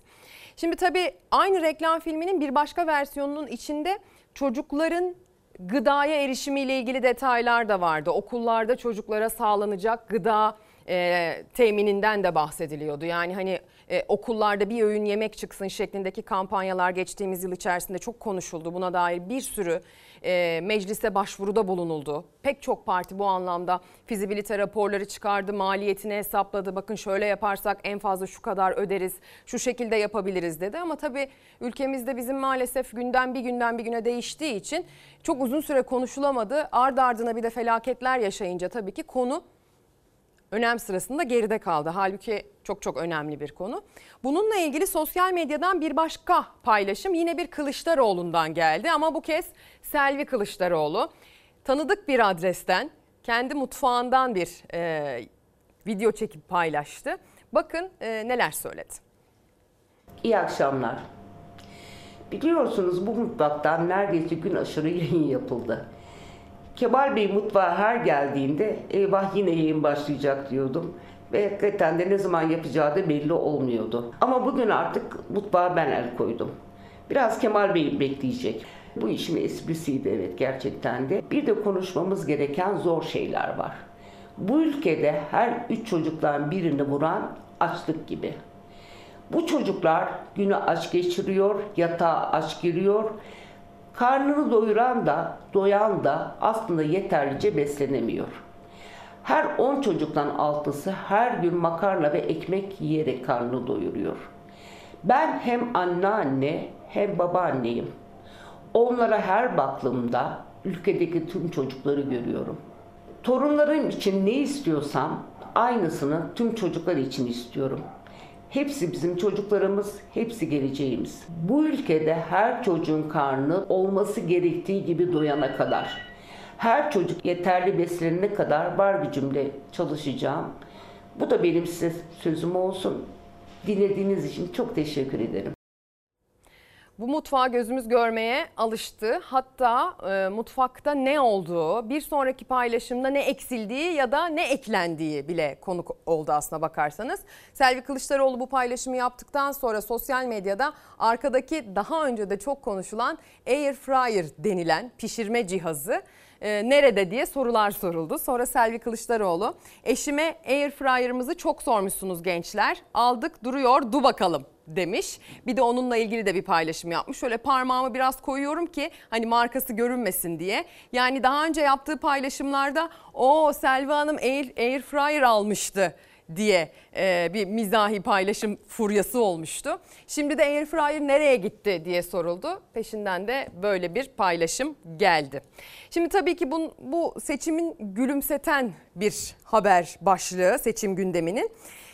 Asıl seçim gündemine dönmemiz gerektiğinde ise tabii ki bu da asıl konulardan bir tanesi bu arada. Selvi Hanım tabii ki siyasetin içinde ama dışında bir isim olduğu için gülümseten bir paylaşım yapmış. Ee, siyasetin kendisine geldiğimiz zaman seçim hesaplarının ne kadar yoğun yapıldığını görüyoruz. Zaten aslında seçim hesapları başlığını atmamızın sebebi de bu. Bir takım ziyaretler, alınan kararlar, kararlardan sonra peşi sıra gelen istifalar. Hadi gelin seçim günlüğüne bakalım. Millet İttifakı çatısı altında Cumhuriyet Halk Partisi ve İyi Parti kendi logolarıyla ve listeleriyle seçime katılacaklardır. Demokrat Parti, Saadet Partisi, Deva Partisi ve Gelecek Partisi de adaylarını Cumhuriyet Halk Partisi listelerinden göstereceklerdir. Cumhur İttifakı'nın uzlaşamadığı ortak liste konusunda Millet İttifakı uzlaştı. Deva, Gelecek, Saadet ve Demokrat Parti CHP listelerinden seçime girecek. İttifak protokolündeki değişiklik YSK'ya sunuldu. MHP'nin aday listesini YSK'ya teslim etmesi sonrası Büyük Birlik Partisi Genel Başkanı Mustafa Destici Beştepe'ye çıktı. AK Parti Büyük Birlik Partisi yeniden Refah Partisi ortak listesi olabilir mi arayışıyla. Biz bundan sonrasında ne yapabiliriz? İşte yeniden Refah Partisi var henüz listesini vermeyen. Biz varız, AK Parti var. Yeni seçim kanununa göre milletvekili dağılımında ittifakın toplam oyu değil, partilerin aldığı oylar belirleyici olacak. Artık oylar ittifakın diğer partilerine yazılmayacak. Bu yüzden ittifakların ortak listeyle seçime girmesi avantaj olarak yorumlanıyor. Millet İttifakı meclisteki çoğunluğu sağlayabilmek adına ortak liste konusunda uzlaştı. Deva, Gelecek, Saadet ve Demokrat Parti CHP listelerinden seçime girme kararı aldı. Dört parti oy pusulasında yer almayacak. Pusulada Millet İttifakı çatısı altında CHP ve İyi Parti logoları olacak. Son durum nedir diye sorarsanız hepimiz ayrı listelerimizde seçime giriyoruz. Mustafa Destici Erdoğan görüşmesinden ortak liste uzlaşısı çıkmadı. Cumhur İttifakı cephesinde liste trafiği sürerken ittifaka yeni bir parti daha katıldı. Demokratik Sol Parti. Cumhurbaşkanımız Sayın Recep Tayyip Erdoğan'ın bu seçimde desteklenmesi yönünde görüşümüzü oluşturduk. Biz seçimlere katılmıyoruz. AK Parti listelerinden parlamentoda yerimizi aldık. Bir gün önce Millet İttifakı'nın adayı Kemal Kılıçdaroğlu ziyaret etmişti Demokratik Sol Parti'yi. Bu kez AK Parti gitti. Cumhurbaşkanlığı yarışında Erdoğan'ın desteklenmesi karşılığında milletvekilliği teklifini götürdü Binali Yıldırım. Demokratik Sol Parti kabul etti. Hüdapar gibi Demokratik Sol Parti de AK Parti listelerinden seçime girecek. Demokratik Sol Parti'nin Erdoğan'ı destekleyeceği haberinden sonra partiden üst düzey 3 istifa haberi geldi. Genel Başkan Yardımcıları Dilara Tambova, Selçuk Karakülçe ve Onur İste Demokratik Sol Parti'den istifa etti. Karakülçe paylaşımında mevcut şartlarda istifa etmek zorunluluk olmuştur derken Dilara Tambova benim açımdan tutarlı olmayacağı için istifa ediyorum dedi. Onur İste ise ben hep olduğum yerdeyim. Bunun gereği olarak istifa ediyorum paylaşımı yaptı. Eski Demokratik Sol Partili 74 milletvekili ve bakan da ortak açıklamayla seçimde Kemal Kılıçdaroğlu'nu destekleyeceklerini duyurdu. Biz önümüzdeki Cumhurbaşkanlığı seçimlerinde Sayın Kılıçdaroğlu'na desteğimizi bir kez daha buradan haykırıyoruz. İşte bakanlarımız kabinede verdikleri hizmetleri 14 Mayıs'tan sonra mecliste sürdürecekler. İçişleri Bakanı Soylu'nun Samsun adaylığına direndiği için Erdoğan'la ters düştüğü iddiaları vardı. Soylu'nun İstanbul 2. bölge 1. sıradan aday olacağı belirtiliyor. Milli Savunma Bakanı Hulusi Akar'ın Kayseri, Ulaştırma Bakanı Adil Kara İsmailoğlu'nun Sakarya, Çevre Bakanı Murat Kurum'un İstanbul, Nurettin Nebati'nin de memleketi Şanlıurfa'dan 1. sıradan aday gösterileceği kulislere yansıdı. Millet İttifakı'nın Cumhurbaşkanı adayı Kemal Kılıçdaroğlu da seçim vaatlerine bir yenisini ekledi. Cumhurbaşkanı olduğumda torpile, kayırmaya kesinlikle son vereceğim. Evli misin? Bekar mısın? Açık mısın? Kapalı mısın? Çocuk yapacak mısın? Ne? İkizler burcu musun? 14 Mayıs'tan sonra bu sorular tarihe karışacak. Bay Kemal sorulmayacak sorular kanunu çıkaracak. Kemal Kılıçdaroğlu yeni bir sosyal mecraya işte bu videoyla giriş yaptı. İkizler Burcu detayı da gençleri gülümsetti sevgili izleyenler. Sosyal medyadan bir yansımanın bilgisini vermek gerekirse. Kemal Kılıçdaroğlu'nun bir başka paylaşımı aslında az önce bahsettiğimiz reklam filminin yayınlanıp yayınlanmaması ile ilgili. Hadi gelin ona da bir kulak verelim. Sevgili halkım, sizden çalınan bir para var. Tam 418 milyar dolar. 20 yılda bine yakın yandaş şirket bir araya geldi ve hazineyi soydu. Çalınan para sizin paranız. Evlatlarınızın parasını gasp ettiler. Bu arada şunu da söyleyeyim. Devletle birlikte dürüstçe hizmet veren on binlerce de şirket var. Onların hepsinin başımın üstünde yeri var. Ben de bu yandaş çetelerle ilgili çok net konuştum. Bu çeteler benim can düşmanımdır dedim. Onlar bu ülkede yatağa aç giren çocukların hakkını yemiştir dedim. Bu çetelerden tahsil edeceğim 418 milyar dolarla halkım için yapacaklarımızı anlattım. Kısa filmlerle. Bu filmler bu gece televizyonlarda yayınlanacaktı. Ama bazı kanallar yayınlamayı reddetti. Hırsızlığa kalkan oluşturacak bir yasak için kimlere haber uçurduklarını da biliyoruz. Ey çeteler, ey o halkın gasp edilmiş parasıyla alınan medyalar. Ben sizden mi korkacağım? Ben bu mücadelede ölümü göze almışım. Sizin sansürlerinizden mi geri adım atacağım? Halkımız refaha ve huzura kavuşacak. Bunun için ben sizinle ölümüne mücadele edeceğim, ölümüne. Şu net ki ben sırtımı milletime yaslıyorum. Vallahi biz bu işi yaparız ve yapacağız. Seçim hesapları başlığını attık. Sadece seçime dair hesap yapan aslında siyasiler değil vatandaş da hesap peşinde. Bakın Vildan Hanım ne diyor? Her şeyi hesaplayarak oy verelim. Eğitimin önünün kesilmesi, rantın önünün açılması, kar getirmeyen yatırımlar, kadın cinayetleri, çocuk istismarı, hiç tutmayan ekonomi cetveli, yılmadık mı, bıkmadık mı diye sormuş. Seçim hesapları başlığına aslında başkaca mesajlar da var. Bu zamana kadar hep hesap yaptık hiç hesap tutmadı diyor bir izleyicimiz. Son 20 yıldır hayatımız hesapla geçti. Ama hiç tutturamadığımız hesapların peşinde seçim hesapları diyor Vildan Hanım gönderdiği mesajda. Seçim hesapları bakın nasıl yansıdı gazetelere. Pencere gazetesinin manşetini okuyalım. Yapılan ziyaretler ve alınan kararlardan sonra DSP'nin hamlesi böyle bir başlık attırdı. Pencere gazetesinin editörlerine, gazetecilerine. Karaoğlan'ın kemikleri sızladı. AK Parti son dakika yeni bir atak yaptı. Genel Başkan Vekili Binali Yıldırım'la e, parti sözcüsü Ömer Çelik DSP Genel Merkezi'ne gitti. DSP Genel Başkanı Önder Aksakal'a ittifak teklifi yaptı. DSP Genel Başkanı Aksakal bayraktan, milli birlikten, terörle mücadeleden bahsetti ve teklife ilişkin eğilimini ortaya koydu. Öğleden sonra AK Parti Genel Merkezi'ne gitti. Teklifi kabul ettiğini söyledi. Cumhurbaşkanı Erdoğan iki gün önce çıktığı canlı yayında DSP'nin kurucusu Bülent Ecevit üzerinden CHP'yi eleştirmişti. Daha önce de sık sık Merve Kavakçı'nın yemin törenini hatırlatmış, Ecevit'i hedef tahtasına oturtmuş ve CHP'ye yüklenmişti deniyor. İstifalar ve itirazlar da peş peşe geldi. Bakın o istifalar ve itirazlar Pencere gazetesinde nasıl detaylandırıldı? Hemen ona da kısaca bakalım. Mirasa ve ülkeye ihanet. Sayın Tambova biliyorsunuz e, DSP'nin genel başkan yardımcılarından bir tanesi istifa eden bir kadın siyasetçi. Kendisi aynı zamanda kadın haklarından ve insan haklarından sorumlu genel başkan yardımcısı. Bakın nasıl bir yazılı açıklama yaptı. Genel başkanın parti meclisinin onayı olmadan Cumhur İttifakı'na katılacağımız yönünde almış olduğu kararı desteklemiyor ve bu kararı tanımıyorum. DSP Başkanlık Kurulu görevimden ayrılıyorum. Hep olduğum yerdeyim dedi Onur İste. Hep olduğum yerdeyim bunun gereği olarak gururla yürüttüğüm görevimden istifa etmiş bulunuyorum şeklinde konuştu. Duvardan Fatih Saygın'ın haberine göre DSP Trabzon İl Başkanı Hadiye Solmaz da Cumhur İttifakı'nın desteklenmesini ihanet olarak yorumladı. Milletvekili adaylığı başvurusunu çekeceğini açıkladı deniyor ve buna dair aslında sadece e, genel başkan yardımcısı düzeyinde değil teşkilattan da bir takım e, aykırı seslerin yükseldiğinin detayını aktarıyor bugün gazete. Hadi gelin Yeni Çağ gazetesiyle devam edelim. Bugün e, konuşulmaya devam edecek. Dünün en çok konuşulan konusu aslında bir gözaltıydı biliyorsunuz. İzmir'de gerçekleşti.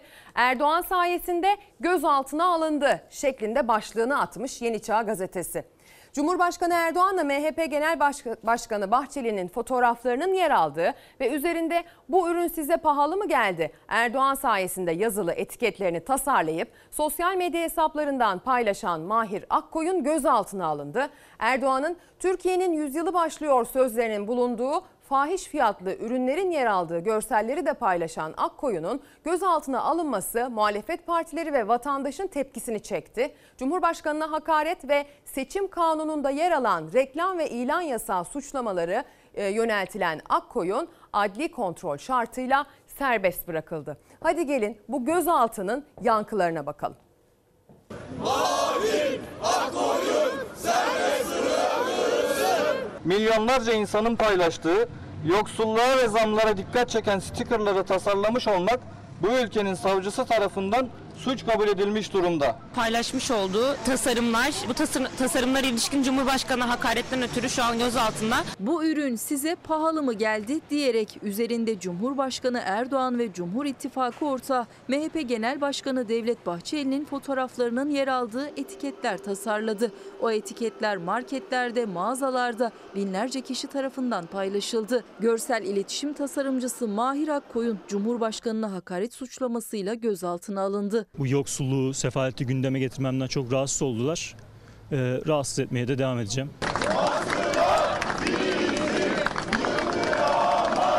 Bu yoksulluğu ve zamları eleştirmek suç değildir. Tasarladığı bu etiketler sebep gösterilerek sabah saatlerinde İzmir'de ailesiyle yaşadığı evinde gözaltına alındı Mahir Akkoyun. Haberin duyulmasının ardından genç tasarımcıya destekler çığ gibi büyüdü. Koltuktan kalkmamak için mizah yapan gençlerimize bile zulmetmektedirler. Bu zulmün daniskasıdır. Bu sabah tasarımları yüzünden Mahir Akkoyun gözaltına alındı. Tehditlerin korkutamadığı gençlerimizi özgürlüklerine darbe vurarak sindiremeyeceksiniz. Zulmünüz de baskınız da yakında son bulacak. Biz gerçekleri söyleyen gençlerimizle tarih yazacağız. Bu ülkede biz her geçen gün yoksullaşıyorsak bunun sebebi AKP iktidarıdır. Milyonlarca insanın e, bu tasarımları benimsemesi, bunları sokaklara, marketlere, ürünlerin üzerine yapıştırması, hayat pahalılığını gündeme getirme e, amacımı e, nihayetine erdirmiş oldu. Adliyeye sevk edilen Mahir Akkoyun mahkeme heyeti tarafından serbest bırakıldı. Millet İttifakı'nın Cumhurbaşkanı adayı Kemal Kılıçdaroğlu Akkoyun'u telefonla arayarak geçmiş olsun dileklerini iletti bu şekilde gerçekleşti. Siyasetten de çok ciddi destek aldı. İzmir'de e, baro destekledi. Pek çok siyasi parti temsilcisi İzmir'de hemen adliyedeydi. Orada yer aldılar ve desteklediler sevgili izleyenler. E, Mahir Akkoyun'u. Atanamayan 600 bini aşkın İİBF mevzu, mezunundan da bahsetmenizi rica ediyoruz demiş Merve Hanım mesaj göndermiş. Bizler işsiz kalmak istemiyoruz diyor Twitter'dan yönlendirdiği mesajda. Ücretli öğretmenleri unutmayın mesajı gelmiş bir başka izleyicimizden.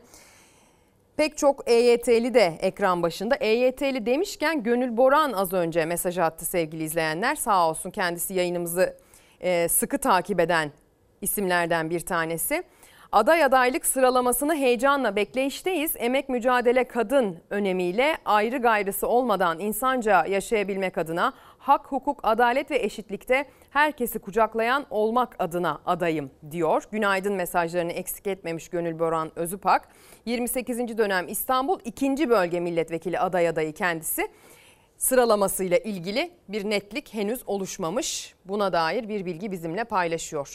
Şimdi isterseniz konuyu depreme ve depremzedelere getirelim. Kemal Kılıçdaroğlu'nun bir söylemi var biliyorsunuz. Kendisi depremzedelere ücretsiz bir şekilde evlerini vereceğini dile getiriyor. Buna dair Millet İttifakı'ndan bir başka yorum daha var. Evi, dükkanı, ağırı, apartmanı yıkılan herkese Nurdağ'ından söz veriyorum.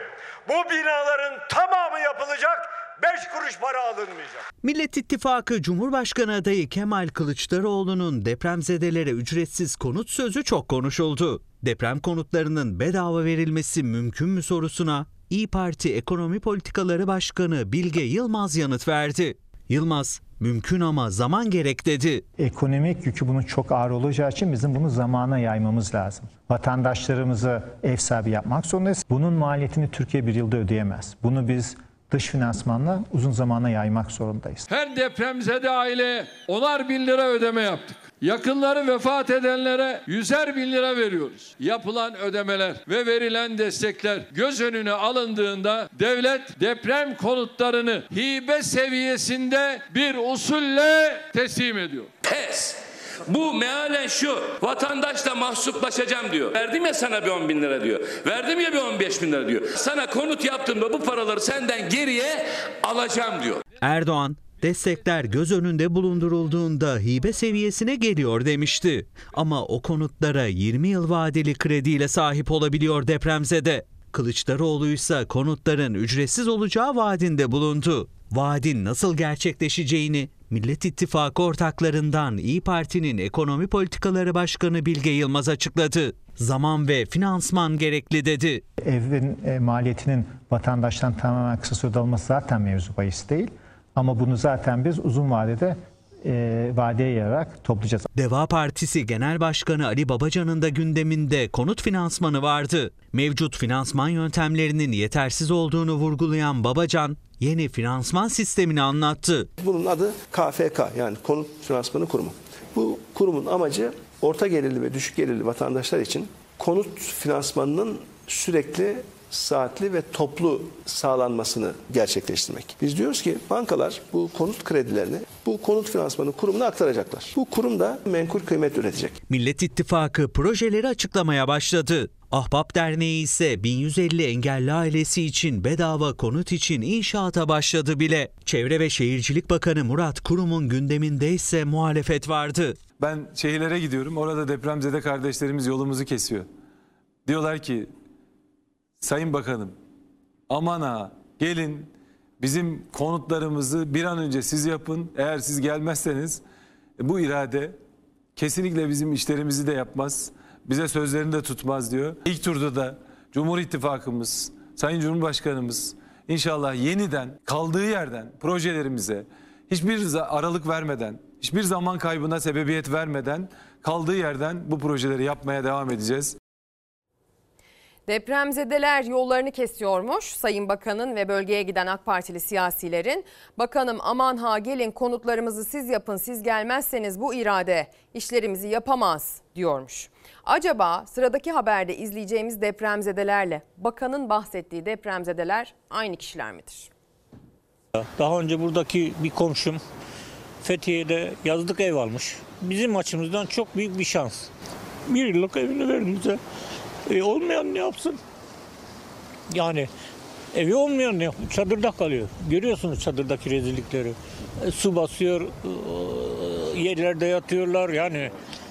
Tabii bu büyük bir acı. Acısıyla baş başa depremzede, çilesiyle de ihtiyaçlar ya karşılanamıyor yeterince ya da hiç ulaşmıyor bazısına. Kaderiyle bir başına kalan depremzedeler geleceğe umutla bakabilmek adına bir neden bulamıyor çoğu kez. Çünkü umutlar da hala enkaz altında. Ben, ben daha farklı bir yaşam hayal ediyorduk. Balkonumda oturup böyle Antakya'yı seyrederken oturup kahvaltımı, yemeğimi, emekliliğimin tadını çıkartmayı hayal ediyordum ama maalesef hepsi hayal oldu. Hataylı depremzede Metin Somay böyle anlatıyor artık hayalini kuramadığı hayatı ve depremin ilk günlerinden bahsederken gözyaşlarını tutamıyor hala. Kurtarılmayı bekleyen insanların çok sayıda olduğunu gözlerimizle şahit olduk.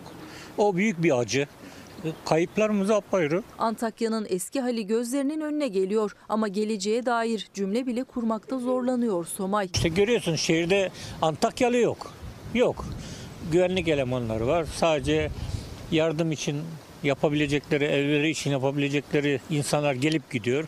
Antakya insanı veya Hatay insanı kalmadı. Hatay'ın eski haline dönmesi, Antakya'nın eski haline dönmesi 10 yıl. Şehir dışında çocuğun okul, okulu var.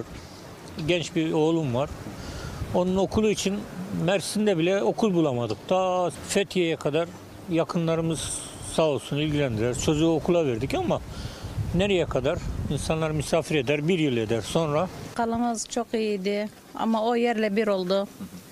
Evimiz vardı ikinci günde geldiler onu da yıktılar. Yani elde avuçta hiçbir şey kalmadı. 50 yıllık emeğimiz yerle bir oldu. Yani hiçbir destek alamadık.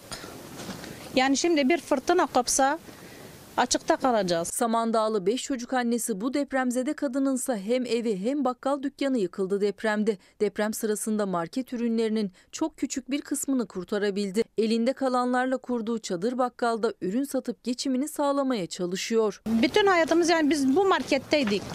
Marketimiz gitti yani hiçbir şey çıkaramadık. Evimiz de yıkıldı üstüne. Ne yemek desteği geliyor, ne konteyner geliyor. Ben yani beş çocuk annesiyim. İki çocuğum üniversiteyi bitirmiş ama atama da yok yani. Bize birazcık öncelik tanınmaları lazım. Yemek çok az geliyor. Ama biraz daha yani sanki unutulmuşuz. Ben en çok çocuklara bir de bebeklere acıyorum. Geçen yağmur yağdı yani bastı. Bizim çadıra bastı. Sular altında kaldık. Yataklarımız ıslandı. Keneler bastı bizim çadırları. Sivrisinekler yani haşeratlar başlayacak çünkü artık hava ısındı. Samandağ'da evi yıkılan bu depremzede kadın da işte bu derme çatma zar zor temin edebildiği çadırda kalıyor. Maddi durumu iyi olan bir şeyler yapıyor. Maddi durumu zor olan bir şey yapamıyor. Çadırda yaşamaya çalışıyoruz. İşte suyumuz bir defattır geldi buraya. Suyumuzu aldık. İşte dışarıda koymuşuz. Fazla su gelmedi.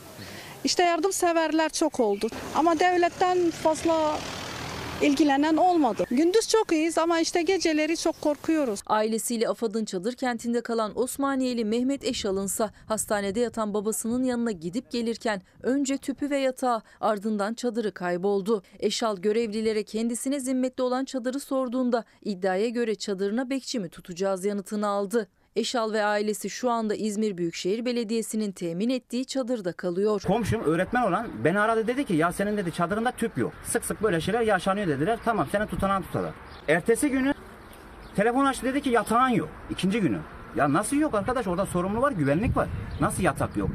Beni aradı dedi ki o arkadaş öğretmen olan ya dedi senin dedi Mehmet Bey dedi çadır yerinde yok. Ya nasıl yerinde yok çadır?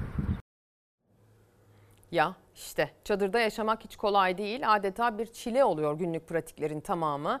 En basitinden tuvalete gitmek için bile 500 metre yürümek zorunda kalıyoruz diyen hiç şahit olmadıysak 10 tane depremzedeye şahit olmuşuzdur. Sadece kendi yayınlarımız çerçevesinde sevgili izleyenler.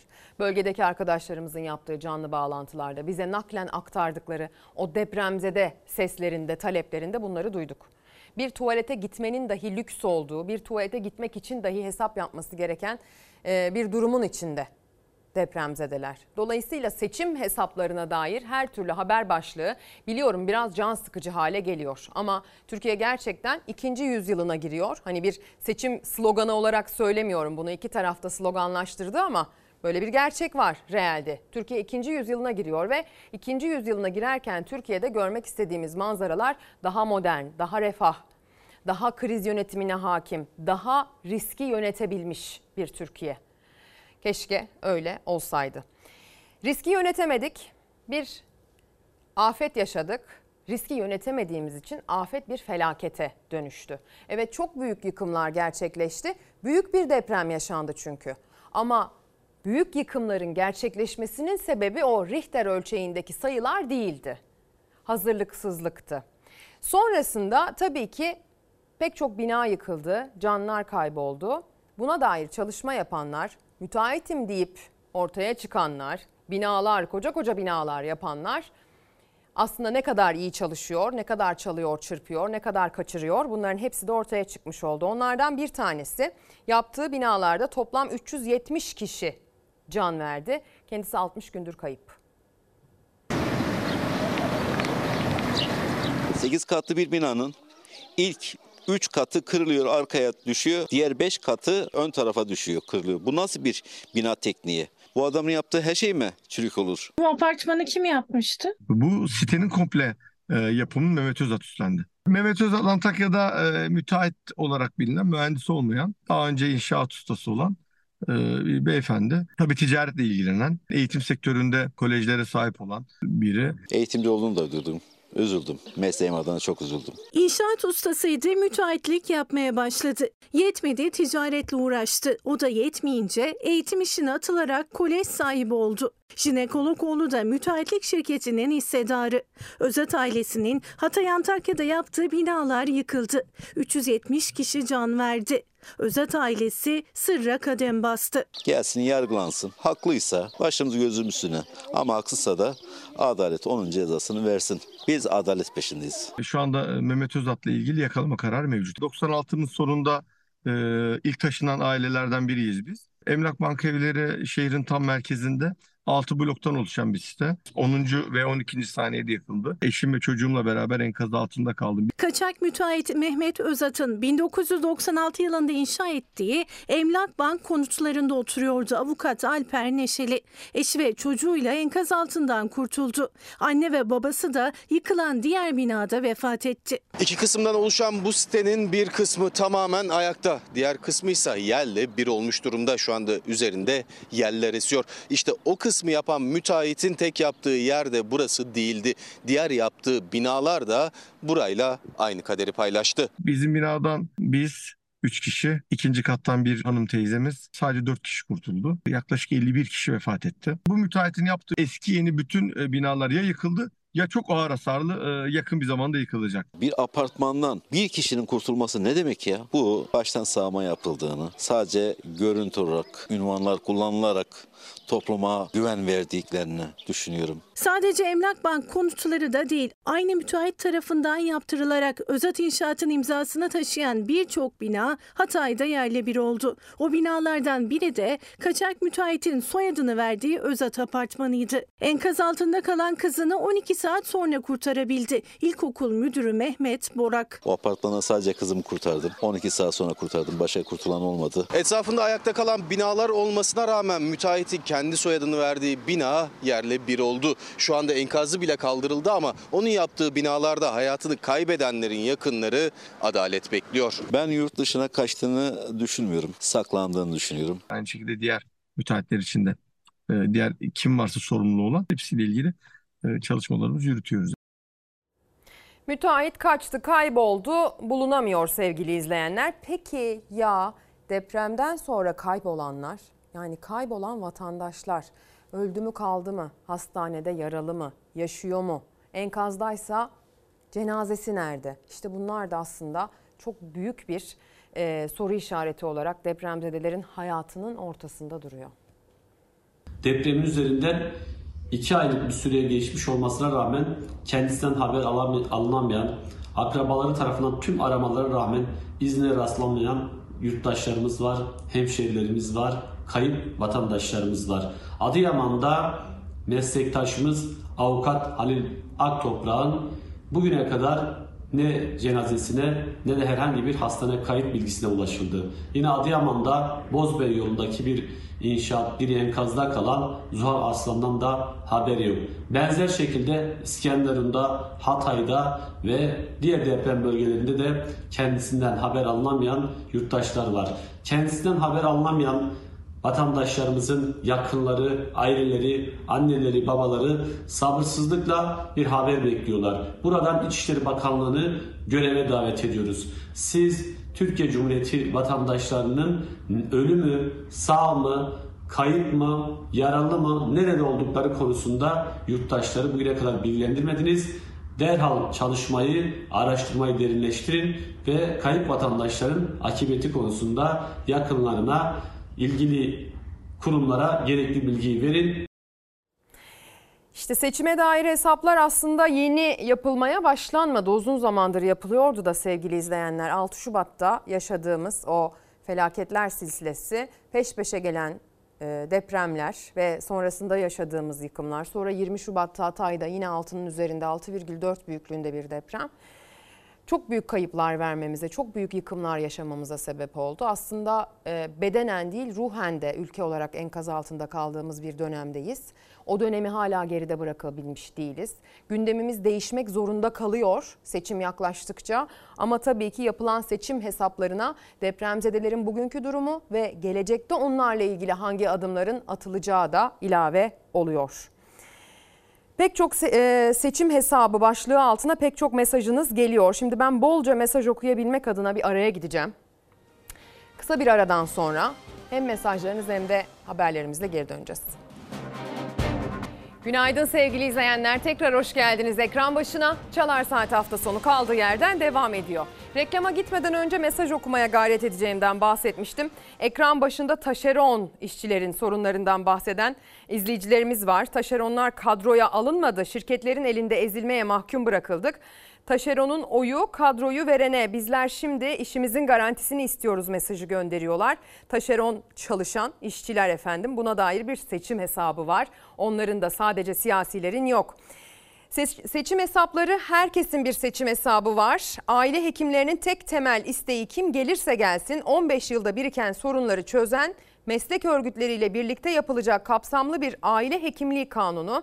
Gerçekten bunu yapan teveccühümüzü alır diyor Dayanışma Sen adına gönderilmiş bir mesaj daha.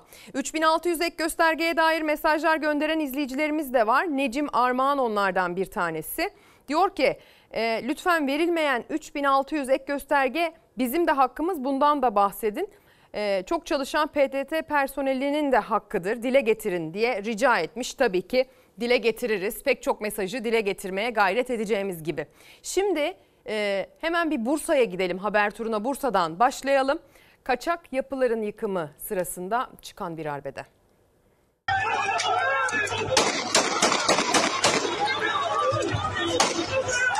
Çekme çekme.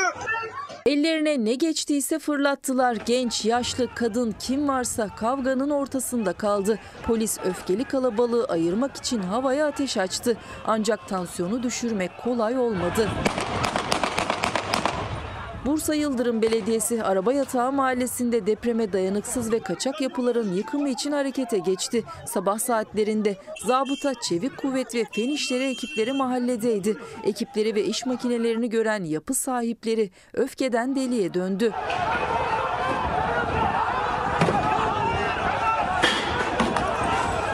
Yıkımı önlemek için ellerine geçen sandalye, tuğla, sopa ne varsa fırlattılar. Ancak öfkeleri dinecek gibi değildi. Çevik kuvvet ekipleri öfkeyi havaya ateş açarak dindirmek istedi. Öfke polisin biber gazı kullanmasıyla son buldu ve binalar sorunsuz şekilde yıkıldı.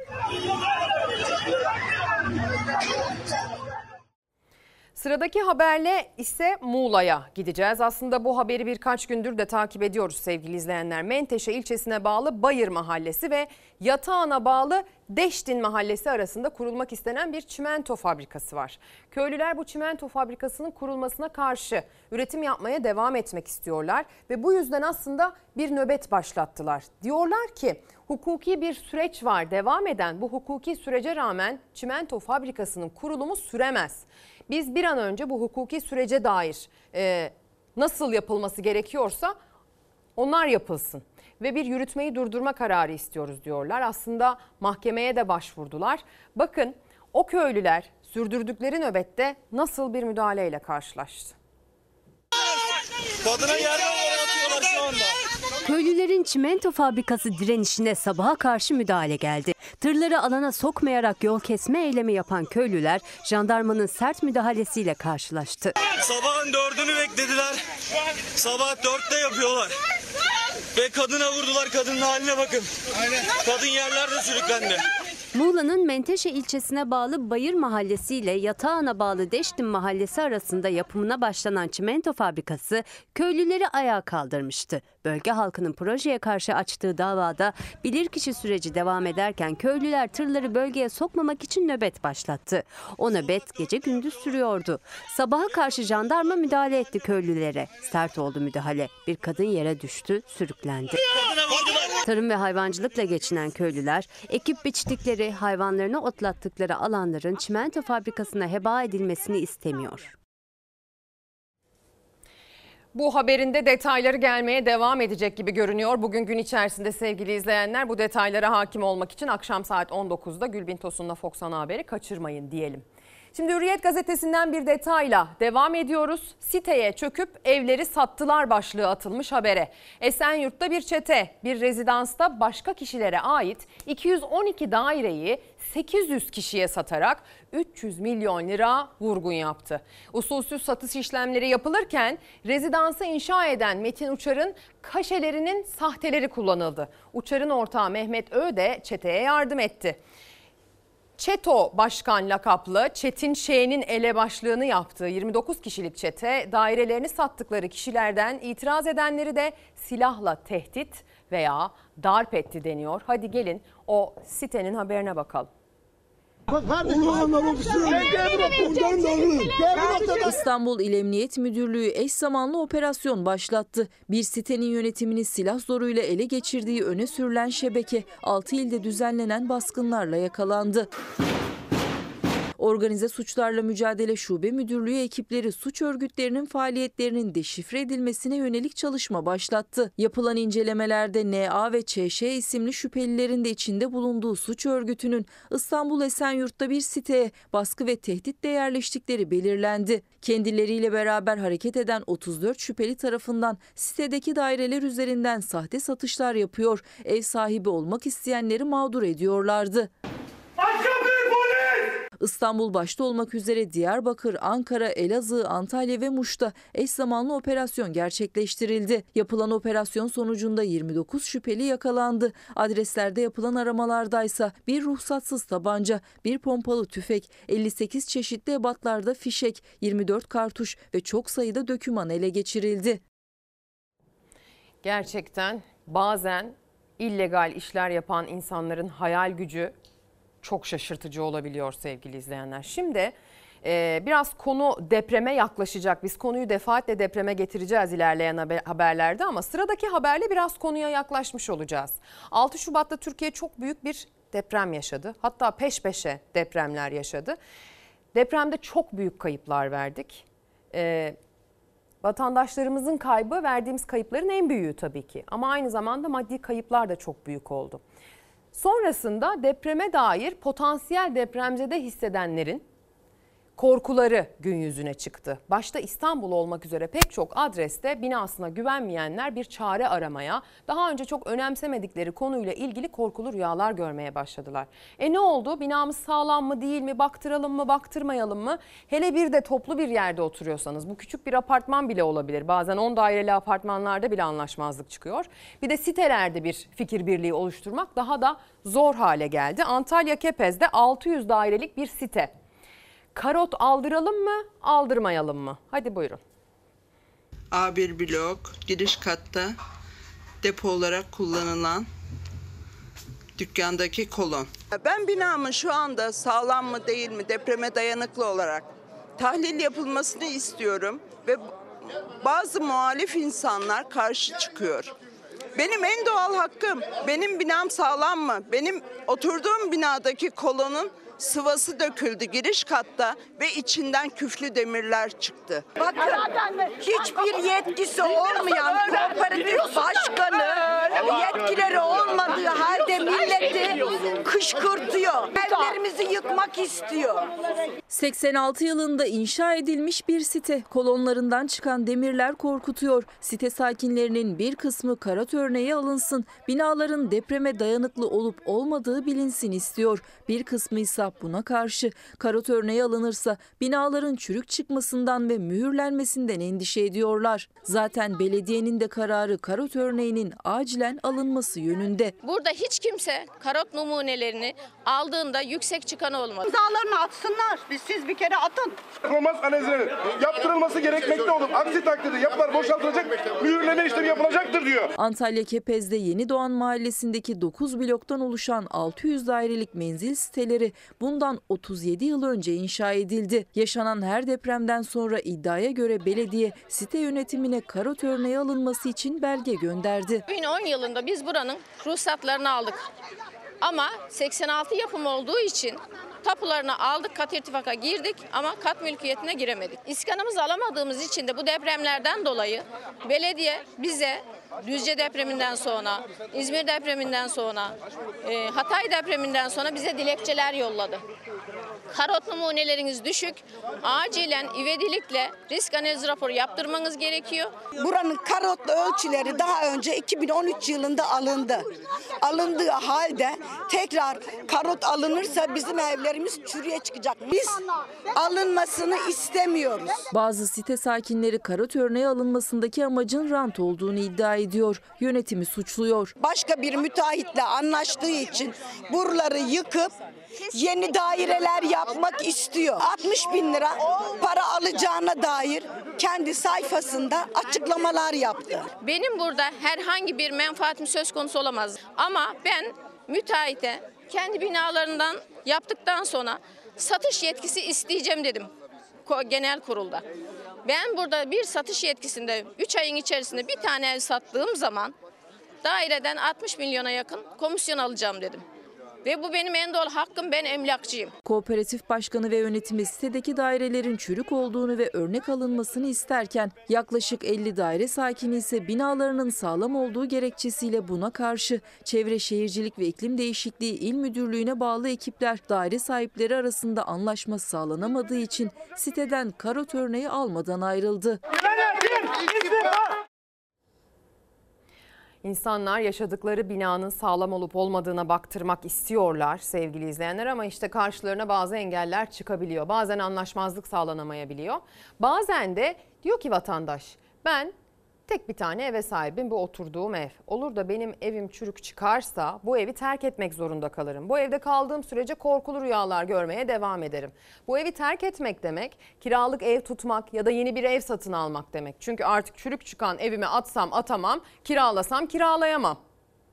Dolayısıyla insanlar aslında bile isteye o kabusu yaşamaya, tabut gibi bile olsa o evlerin içinde yaşamaya razı olmaya da mecbur kalabiliyor biliyorsunuz içinde bulunduğumuz dönemde. İstanbul'da bunun çok çarpıcı örnekleri var.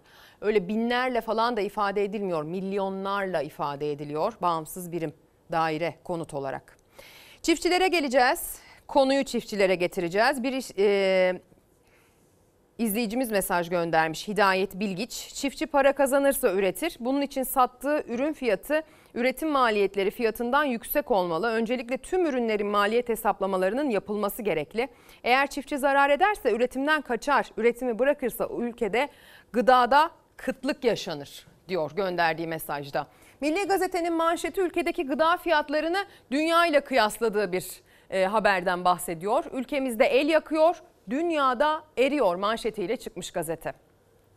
Ülkemizde gıda fiyatları el yakarken Birleşmiş Milletler Gıda ve Tarım Örgütü'nden yapılan açıklamaya göre gıda ürünlerinin uluslararası fiyatlarındaki aylık değişiklikleri izleyen FAO Gıda Fiyat Endeksi Mart'ta bir önceki aya kıyasla %2,1 düşerek 126,9 puan oldu. Böylece endeks ard arda düşüşünü 12. aya taşırken Temmuz 2021'den bu yana en düşük seviyesine geriledi diyor. Yani dünyada gıda fiyatları düşüyor. Biliyorsunuz pandemiden sonra gıdada fiyat artışı dünya boyutunda yaşandı.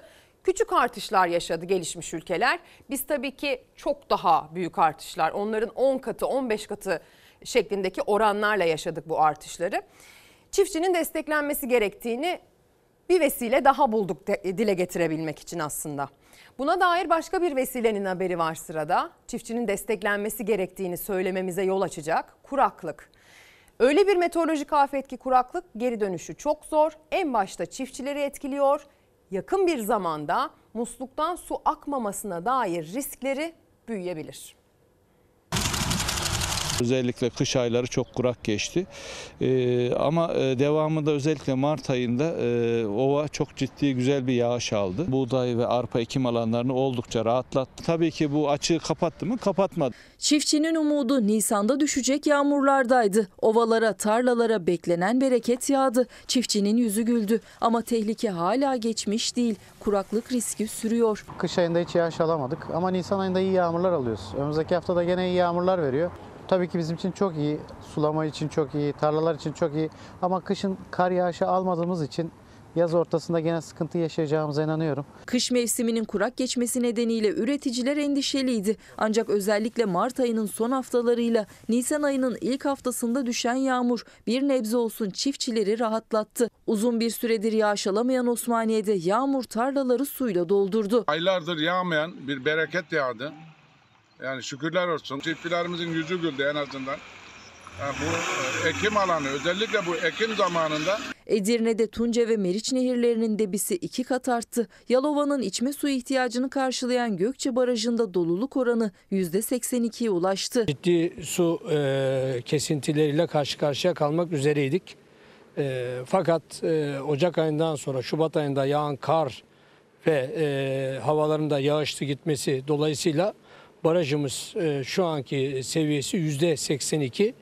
Ama e, biliyorsunuz su hayattır ve tasarrufu elden bırakmayacağız. Türkiye'nin tahıl ambarı olarak bilinen Konya Ovası'nda Mart ayındaki yağışlar tarlaları yeşillendirdi. Ancak tehlike bitmedi. Meteorolojik kuraklıkla tarımsal kuraklığın bir farkı var. Biz tarımsal anlamda dönemsel olarak bitkinin ihtiyacı olan dönemde yağış aldığımız zaman bu bizim için yeterlidir. Tarımsal anlamda ekili alanları rahatlatsa da düşen yağmur kuraklığı bitirmeye yetmiyor. Burdur'da belediye meclisinde alınan kararla belediye mücavir sınırları içerisinde içme suyu şebekesini kullanarak araç, halı ve benzeri malzeme yıkamak, bahçe ve tarla sulamak, iş yeri ve binaların kaldırımlarını yıkamak yasaklandı. Sadece maliyet hesabı değil, havzamızın hızla azalan yeraltı su kaynaklarının başka bir su kaynağımız yok şu anda. Bölgemiz maalesef aşırı kuraklık çeken bölgelerden bir tanesi. Kuraklık tüm dünyada geçici değil, uzun vadeli bir sorun. Avrupa Birliği'nin iklim değişimi servisinin raporuna göre dünya 2023'te kayıt tutulmaya başladığından bu yana en sıcak 2. Mart ayını yaşadı. Kaydedilen en sıcak Mart ayı ise 2016'daydı. Geçen ay sıcaklıklar Güney ve Orta Avrupa'da ortalamanın üzerinde seyretti. Seçim hesapları başlığı altına mesajlarınız geliyor. Aysel Hanım ekran başında seçim hesapları tutmadı demiş. İnşaat yapılmasına uygun olmayan yerlere izin verenler, incelemelerden yapılan inşaat ruhsatlarını alanlar ve hırsız müteahhitlere göz yumanlar ne ceza aldılar acaba merak ediyorum diye bir mesaj göndermiş. Pek çok mesaj var. Bir diğer mesajsa bu gıda fiyatları ile ilgili Derya Şeker'den gelmiş. TÜİK bu fiyatları hangi marketlerden alıyor söylesin de biz de oradan alışveriş yapalım. Bizim buralardaki tüm marketlerde raflarda sebze meyve reyonlarında fiyatlar ateş pahası. Valla gün günü tutmuyor fiyatlarda diyor. Evet gerçekten bir de kuraklık derdi var artık çiftçinin. Birkaç yıldır etkisini arttırarak e, kendini hissettiriyor ve bu kuraklık derdi aslında sadece onun derdi değil. Bu zamana kadar çiftçinin yaşadığı hiçbir problem onun derdi değildi. Hepimizin problemiydi zaten dolaylı yoldan. Dolayısıyla biz çiftçiyi daha refah bir e, yaşam seviyesine taşımadığımız sürece gıdaya erişimde sorun yaşamaya devam edeceğiz. Kuraklık yaklaşıyorsa buna dair tedbir alıp çiftçiyi buna dair güçlendirmediğimiz sürece kuraklığın da etkisini manav tezgahında, meyve reyonunda sen ben yaşamayı sürdüreceğiz. Çiftçi olan da yaşayacak, olmayan da yaşayacak. Madem dünyadan, gezegenden, dünyanın mücadele etmeye çalıştığı kuraklıktan bahsediyoruz ki Türkiye bu anlamda nispeten dezavantajlı bir ülkedir. Ee, bir de o zaman havanın kirliliğinden bahsedelim. Çünkü insan dokunduğu her şeyi mahvettiği gibi gezegeni de mahvediyor ve dünya Türkiye'de geçen yıl hava kirliliğine bağlı sağlık sorunu ne yaşaması sebebiyle vefat eden kişi sayısını açıklıyorum size. Türkiye'de geçen yıl hava kirliliği sorunu dolayısıyla vefat eden kişi sayısı 42 bin.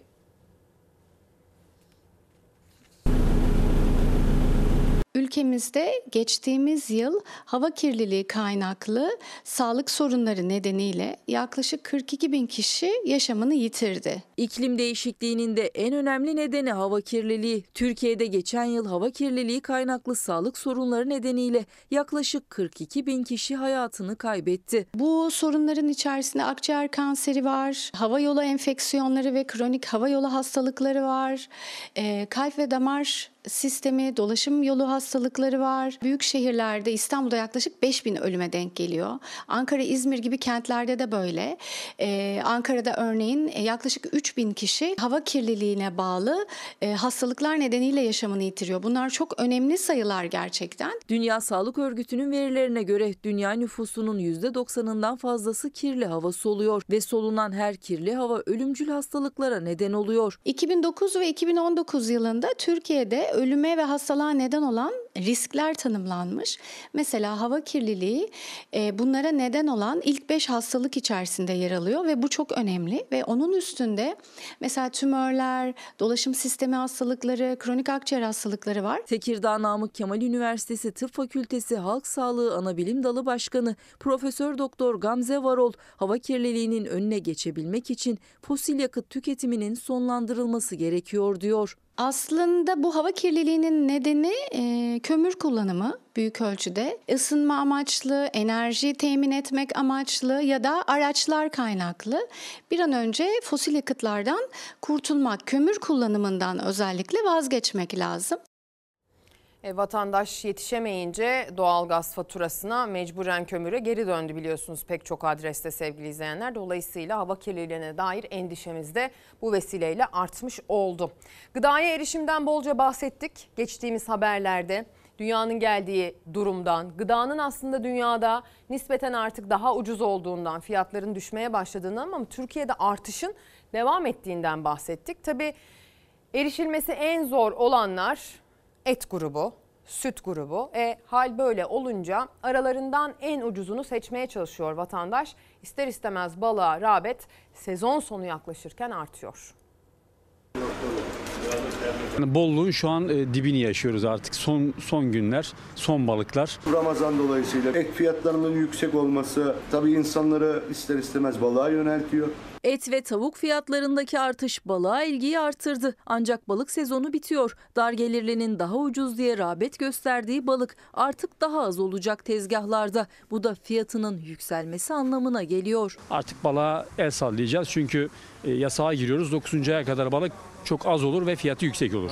Kırmızı ve beyaz etin fiyatı haftadan haftaya artıyor. Kasaba girmeye gücü yetmeyen balık tezgahına yöneliyor. Balık hem fiyat açısından daha uygun hem de besleyici. Deniz çuprası, deniz zevreği 200 lira kilosu. İstavritin kilosu 70 lira. Hamsinin kilosu 100 lira. Ee, barbunya balığı 250 lira. Tekir balığı e, 150 lira. Şu an palamut geliyor az geliyor. Palamutun tanesi şu an e, 120-130 o civarlarda gidiyor. Fiyatların et yüksek olmasından dolayı balığa doğru yöneldi. Balık sezonu 15 Nisan'da sona eriyor. Artık olta balıkçılığı devam edecek. Haliyle balık daha az olacak. Buna karşılık da fiyatı artacak. Daha ucuz balık yemek isteyenler yeni av sezonunu bekleyecek. İşimiz iyi. 15 Nisan'da balık sezonu da bitiyor. Alabilen alıyor sevgili izleyenler, yiyebilen yiyor diyelim. İşte fiyatları, rağbet durumu bu şekilde. Şimdi geçtiğimiz hafta içerisinde e, aslında önemli bir gün yaşandı. Biliyorum öyle bir gündem yağmuru altındayız ki konuyu böyle başlıklara getirmek gerçekten zor oluyor. 4 Nisan Dünya Sokak Hayvanları Günü'nden bahsediyorum. Buna dair pek çok yerel yönetim aslına bakarsanız çalışmalar içine giriyor her sene 4 Nisan'da. Hatta hayvana dair ürün satan firmalar kampanyalar düzenliyorlar. Sokakta hayvanlar var. Ama sokakta yaşayan hayvan kavramı ya da sokak hayvanı kavramı ne kadar doğru? Özellikle evcil olanları için işte bu tartışılır. Tartışılması gereken konular tartışılsın diye 4 Nisan'da 3 Nisan'da düzeltiyorum yani o günün bir gün öncesinde Antalya Büyükşehir Belediyesi bir çalıştay düzenledi. Antalya'nın sokak hayvanları ile ilgili kendini sorumlu hissedenler ve sorumluluk yüklenenleri bir araya getirdiği bir zemin oluşturdu. Ortak yaşam kültürünü geliştirmek için bir ortak tartışma alanı aslında açtı. Çok kıymetliydi. Ben de oradaydım. Sağ olsunlar beni de davet ettiler. Hadi gelin 4 Nisan günü Antalya Büyükşehir Belediyesi'nin açtığı hayvan rehabilitasyon merkezi ile birlikte o çalıştaya şöyle bir bakalım. Dünya tüm canlıların ortak yaşam alanıdır. Ve her bir tür yaşam döngüsünde bir rolü, faydası vardır. Tüm canlılar uyum içinde yaşamak zorundadır. 4 Nisan Dünya Sokak Hayvanları Günü'nde sokak hayvanları geçici bakım evinin kapılarını ziyaretçilere açtı Antalya. Açılıştan önce kentin hayvanseverler ve sorumluluk sahipleri bir araya geldi. Sokak hayvanları için neler yapılabileceği konuşuldu. Bu ortak yaşam kültürünü nasıl oluşturacağız? Tabii ki bunun için düzenlenecek yasalar da önemlidir. Bunun için yapılacak işte yönetmelikler de önemlidir ama bunu tartışmaya açabilmemiz lazım. Antalya Büyükşehir Belediyesi Antalya Sahipsiz Hayvan Çalıştayı düzenledi. İki oturumluk çalıştayın moderatörlüğünü Fox Haber Çalar Saat hafta sonu sunucusu Ezgi Gözeger yaptı. Çalıştay'da Büyükşehir Belediye Başkanı Muhittin Böcek, can dostlarla bağ kurmanın toplum sağlığı için nedenli önemli olduğunu vurguladı. Çocuklarımızı ve gençlerimizin hayvan sevgisiyle gelişimlerine katkı koymak adına gerek bakım evimizde gerekse okullarımızda kedi köpek temel eğitimleri vererek toplumumuzun parçası olan bu can dostlarımıza bağ kurmalarının yollarını göstermektedir. Çalıştay'da 8 uzman ve temsilci de yer aldı. Ünlü oyuncu ve şarkıcı Yonca Evcimik de Çalıştay'ın konukları arasındaydı. Öncelik tabii ki yasanın değişmesi ki yaptırım olsun ama e, çok net bir çal- e, yaptırım göremiyoruz. Eş zamanlı e, Türkiye genelinde e, bir çalışma yapılması gerekiyor. Ben çok teşekkür etmek istiyorum. Öncelikle böyle bir duyarlılık gösterdikleri için e, Başkan Muhittin Böce'ye ve aynı zamanda emeği geçen Seda Özel'e teşekkür etmek istiyorum. Antalya Büyükşehir Belediyesi e, Tarımsal Hizmetler Daire Başkanı kendisi. Ekibiyle birlikte muhteşem bir organizasyon hazırlamışlar. Çok da misafirperverlerdi. Antalya'da çok güzeldi. Teşekkür ediyorum diyeyim. Buradan onlara teşekkürü de es geçmiş olmayayım. Şimdi yönetmenim İrfan Tomakin'den gazeteleri rica edeceğim. Gazetelere bakacağız. Şöyle bir Milli Gazete'ye bakacağız. Sonrasındaysa e, Milli Gazete'nin ikinci detayı. Sayın Tomakin rica ediyorum. Kulağıma okuduk Milli Gazete'yi diyor. İki ay geçti depremzedelerin ihtiyaçları halen karşılanamıyor diyor Milli Gazete. Bu ve buna benzer pek çok başlığı hala gazetelerin ilk sayfalarında bulma şansımız var. Unutulmadı çünkü unutulmaması gerekiyordu. Evrensel Gazetesi de bir başka başlıkla aslında Kızılay'a atıfta bulunarak e, konuyu yine ilk sayfasından aktarmış sevgili izleyenler. Çünkü deprem sürecinde Kızılay'ın çadır satmasına dair maalesef büyük bir talihsizlik yaşandı diyelim. Talihsizlik tırnak içinde ve buna dair bakın nasıl bir haber var. Kızılay ticaret yapmaktan vazgeçmeli başlığını atmış gazete. Ticari bir kurum gibi çalışıp depremde bile çadır satan Kızılay'a halkın güveni kalmadı, kan bağışları azaldı. Kızılay'dan kan stoklarımız asgari seviyede açıklaması geldi. Türk Tabipleri Birliği 2. Başkanı Ali İhsan Ökten, ticari bir kurum gibi davranan Kızılay'a halkın güveninin kalmamasının bir sonucu olduğuna işaret etti. Kızılay'a kan bağışından vazgeçmeyelim şeklinde pek çok e, çağrı da yükseldi. Gerek Millet İttifakı'ndan gerekse e, yöneten tarafından siyasi isimler Kızılay'a kan bağışının sürmesi gerektiği yönünde de bir takım çağrılarda bulundular. Hadi gelin konuyu depreme getirelim. Konuyu depreme getiren dayanışmayı seven kurum ve kuruluşlara, vatandaşlara şöyle bir bakalım. İstanbul ve Antalya'ya doğru gideceğiz. Depremzedelerin ürettikleri ürünleri satın alarak dayanışma gösterenlere bakacağız. Yine turunç, incir. Pazar dayanışma için kuruldu depremzede e, arkadaşlarımız, e, ailelerimiz için. Kendi yaptığımız lokumlarımız var. Ya üretimi bize ait. İşte portakallı lokum olsun, fıstıklı olsun. Zeytini, kömbesi, lokumu, cevizli sucuğu ve dahası. Depremzedelerin yıkılan ya da hasar alan dükkanlarından, depolarından kurtardığı ürünler hepsi. Dayanışma için İstanbul ve Antalya'da tezgaha çıktılar. İstanbul'da gelmişiz stand açmışız. Bu büyük bir nimet. Şire pazarında yerimiz vardı. Yıkıldı yani. Dut getirdik. Hoşaflıklar var. Dükkanları yıkılanlar, işte mağdur olanlar, herkes e, bir yerden destek olmak için uğraşıyor. Biz de böyle bir destek sağlayabilirsek, katkı sağlarsak mutlu oluruz. İstanbul Büyükşehir Belediyesi Beyazıt Meydanı'nda depremzedeler için dayanışma pazarı kurdu. Buradaki gelirler e, depremzedelere e, gidecek inşallah. Cevizli sucuğumuz var, pestillerimiz var, kayısılarımız var. İstanbulluların pazardan yapacağı her alışveriş depremzede üreticiler için can suyu olacak. Deprem bölgesinde yetiştirilen doğal ürünler ve yöresel lezzetler Ramazan boyunca Beyazıt Meydanı'nda satışa sunulacak. Ekonomimizi artıracak. Düzeleceğiz. Psikolojimiz düzelecek. En az bir işte uğraştığımız için. Bunların çoğu zaten onların enkazdan kurtarabildikleri ürünler. Antalya'da da depremden zarar gören Gaziantep'li esnaflar için dayanışma günleri başladı. Bölgenin yöresel ürünleri depremzedelerin yaralarına biraz olsun ilaç olmak için standlarda yerlerini aldı. Amaç burada depremzedelere yardım da bu. Fiyatlar da yani halka hitap edebilir. Ben şimdi burada salçasını gördüm. Çok güzel. Sucuğunu gördüm. Çok güzel. Bak kara, Antep karası. Şahane bir kara. İstanbul Kadıköy Belediyesi'nin deprem dayanışma pazarı ise bugün açılıyor. Söğütlü Çeşme'de kurulan pazardan elde edilecek tüm gelir depremden etkilenen üreticilere gönderilecek.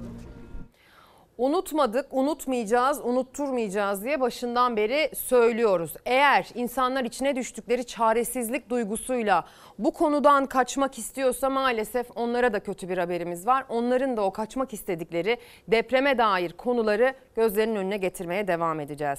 Kendinizi potansiyel depremzede hissediyorsunuz ama buna dair yapacak hiçbir şeyiniz yoksa Korkulu rüyalar görüyorsunuz biliyorum. Aynı evde yaşamaya devam etmek zorundaysanız. Maddi gücünüz başka bir eve taşınmanıza el vermiyorsa ya da başka sebeplerle bulunduğunuz yerden ayrılamıyorsanız. Dolayısıyla rahatsızlık verici olduğunu biliyoruz ama üzerinden değil 2 ay 12 ay geçse bile bu ekranda bu depreme ve sonrasında yaşananlara dair haber bulmaya devam edeceğinizi garanti edebilirim. Şimdi bir başka haberle devam edeceğiz. Zaten bu haberin konusu da aslında unutmamak, unutturmamak. Unutmamak ve unutturmamak için Nur Dağı'na gideceğiz. Bir müze projesi var. 11 ilin oransal olarak en yüksek kayıpların yaşandığı ilçe Nurdağ seçilince deprem müzesinde Nurdağ'da olması çok doğru bir karar olarak karşımıza çıktı. 11 ili yerle bir eden resmi rakamlara göre 50.399 kişinin yaşamını yitirdiği Kahramanmaraş merkezi 7.7 büyüklüğündeki depremde en çok hasar alan noktalardan biri Gaziantep Nurdağ'da deprem müzesi kuruluyor. Yaklaşık 50 bin metrekarelik alanı biz şu an orada çevirdik. Bu alana kesinlikle müdahale ettirmiyoruz.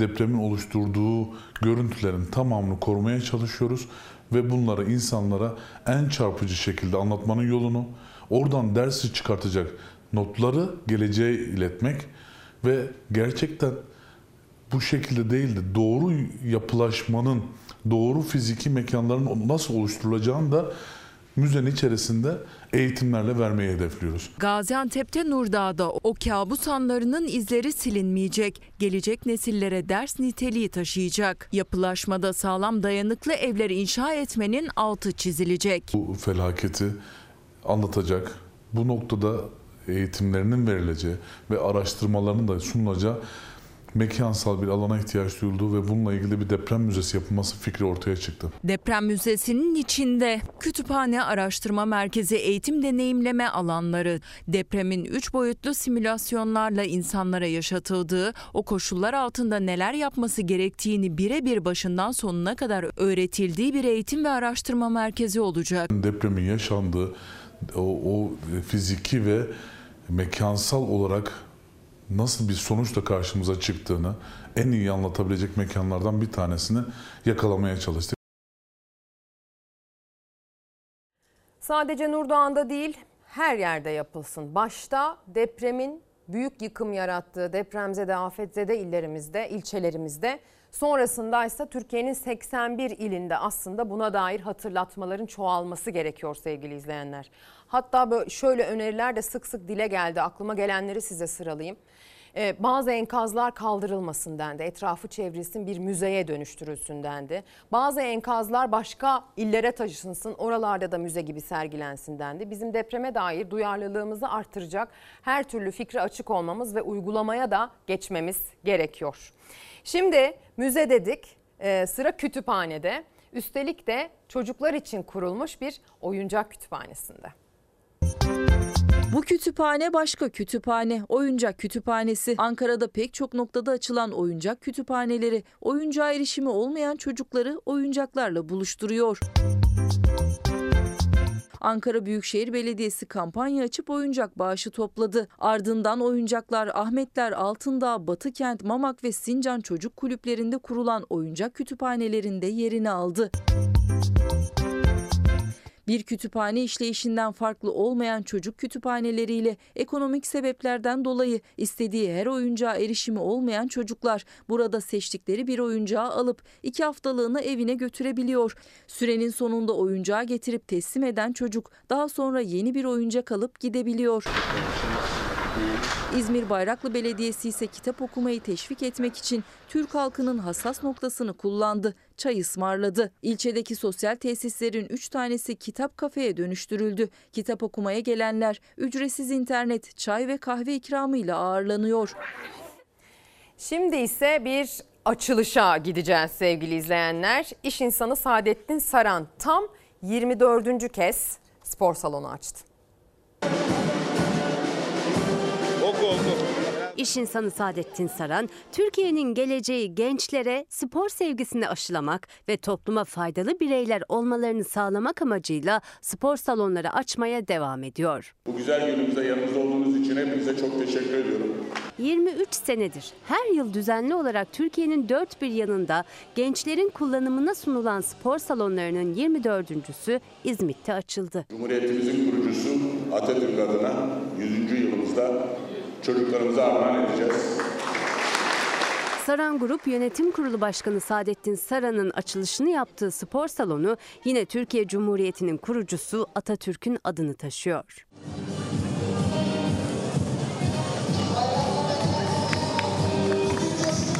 Saadettin Saran, Cumhuriyet'in 100. yılında 25. spor salonunu bu sene Şırnağa açacaklarını belirtti. Bizim spor salonumuzu senede 50 bine yakın çocuk kullanıyor, 24 tanesini. Vatana faydalı yetişmesinde birazcık çorbada tuzumuz oluyorsa ne mutlu bize. Üniversitelerin kapalı olması ile ilgili, hibrit eğitimle ilgili rahatsızlık duyan izleyicilerimiz ekran başında mesaj gönderiyorlar. Emekliler ekran başında mesaj gönderiyorlar. Onların da bir seçim hesabı var. Eşit zam yapmayanlar seçim hesabına emekliyi katmasın mesajları geliyor sevgili izleyenler. Seçim hesapları dedik bu sabah başlık olarak. Siz de kendi hesabınızı yazdınız ağırlıklı olarak. Teşekkür ederiz bu teveccühe. Şimdi reklam sonra söyleyecek son bir sözümüz var. Tekrar günaydın sevgili izleyenler. 8 Nisan sabahından sesimizin görüntümüzün ulaştığı her yere günaydın demeye saatler 8.30'u gösterdiğinde başladık. O dakikadan bu dakikaya kadar bolca haberi aktardık. Gündeme dair bilmeniz gereken ne varsa bu ekranda bulma şansına sahip oldunuz. Çünkü biz bu yönde emek sarf ettik. Yarın sabah saatler 8.30'u gösterdiğinde biz yine aynı heves ve aynı çabayla günaydın diyerek başlayacağız ve sizi günden, gündemden haberdar edeceğiz. O zamana kadar hoşçakalın.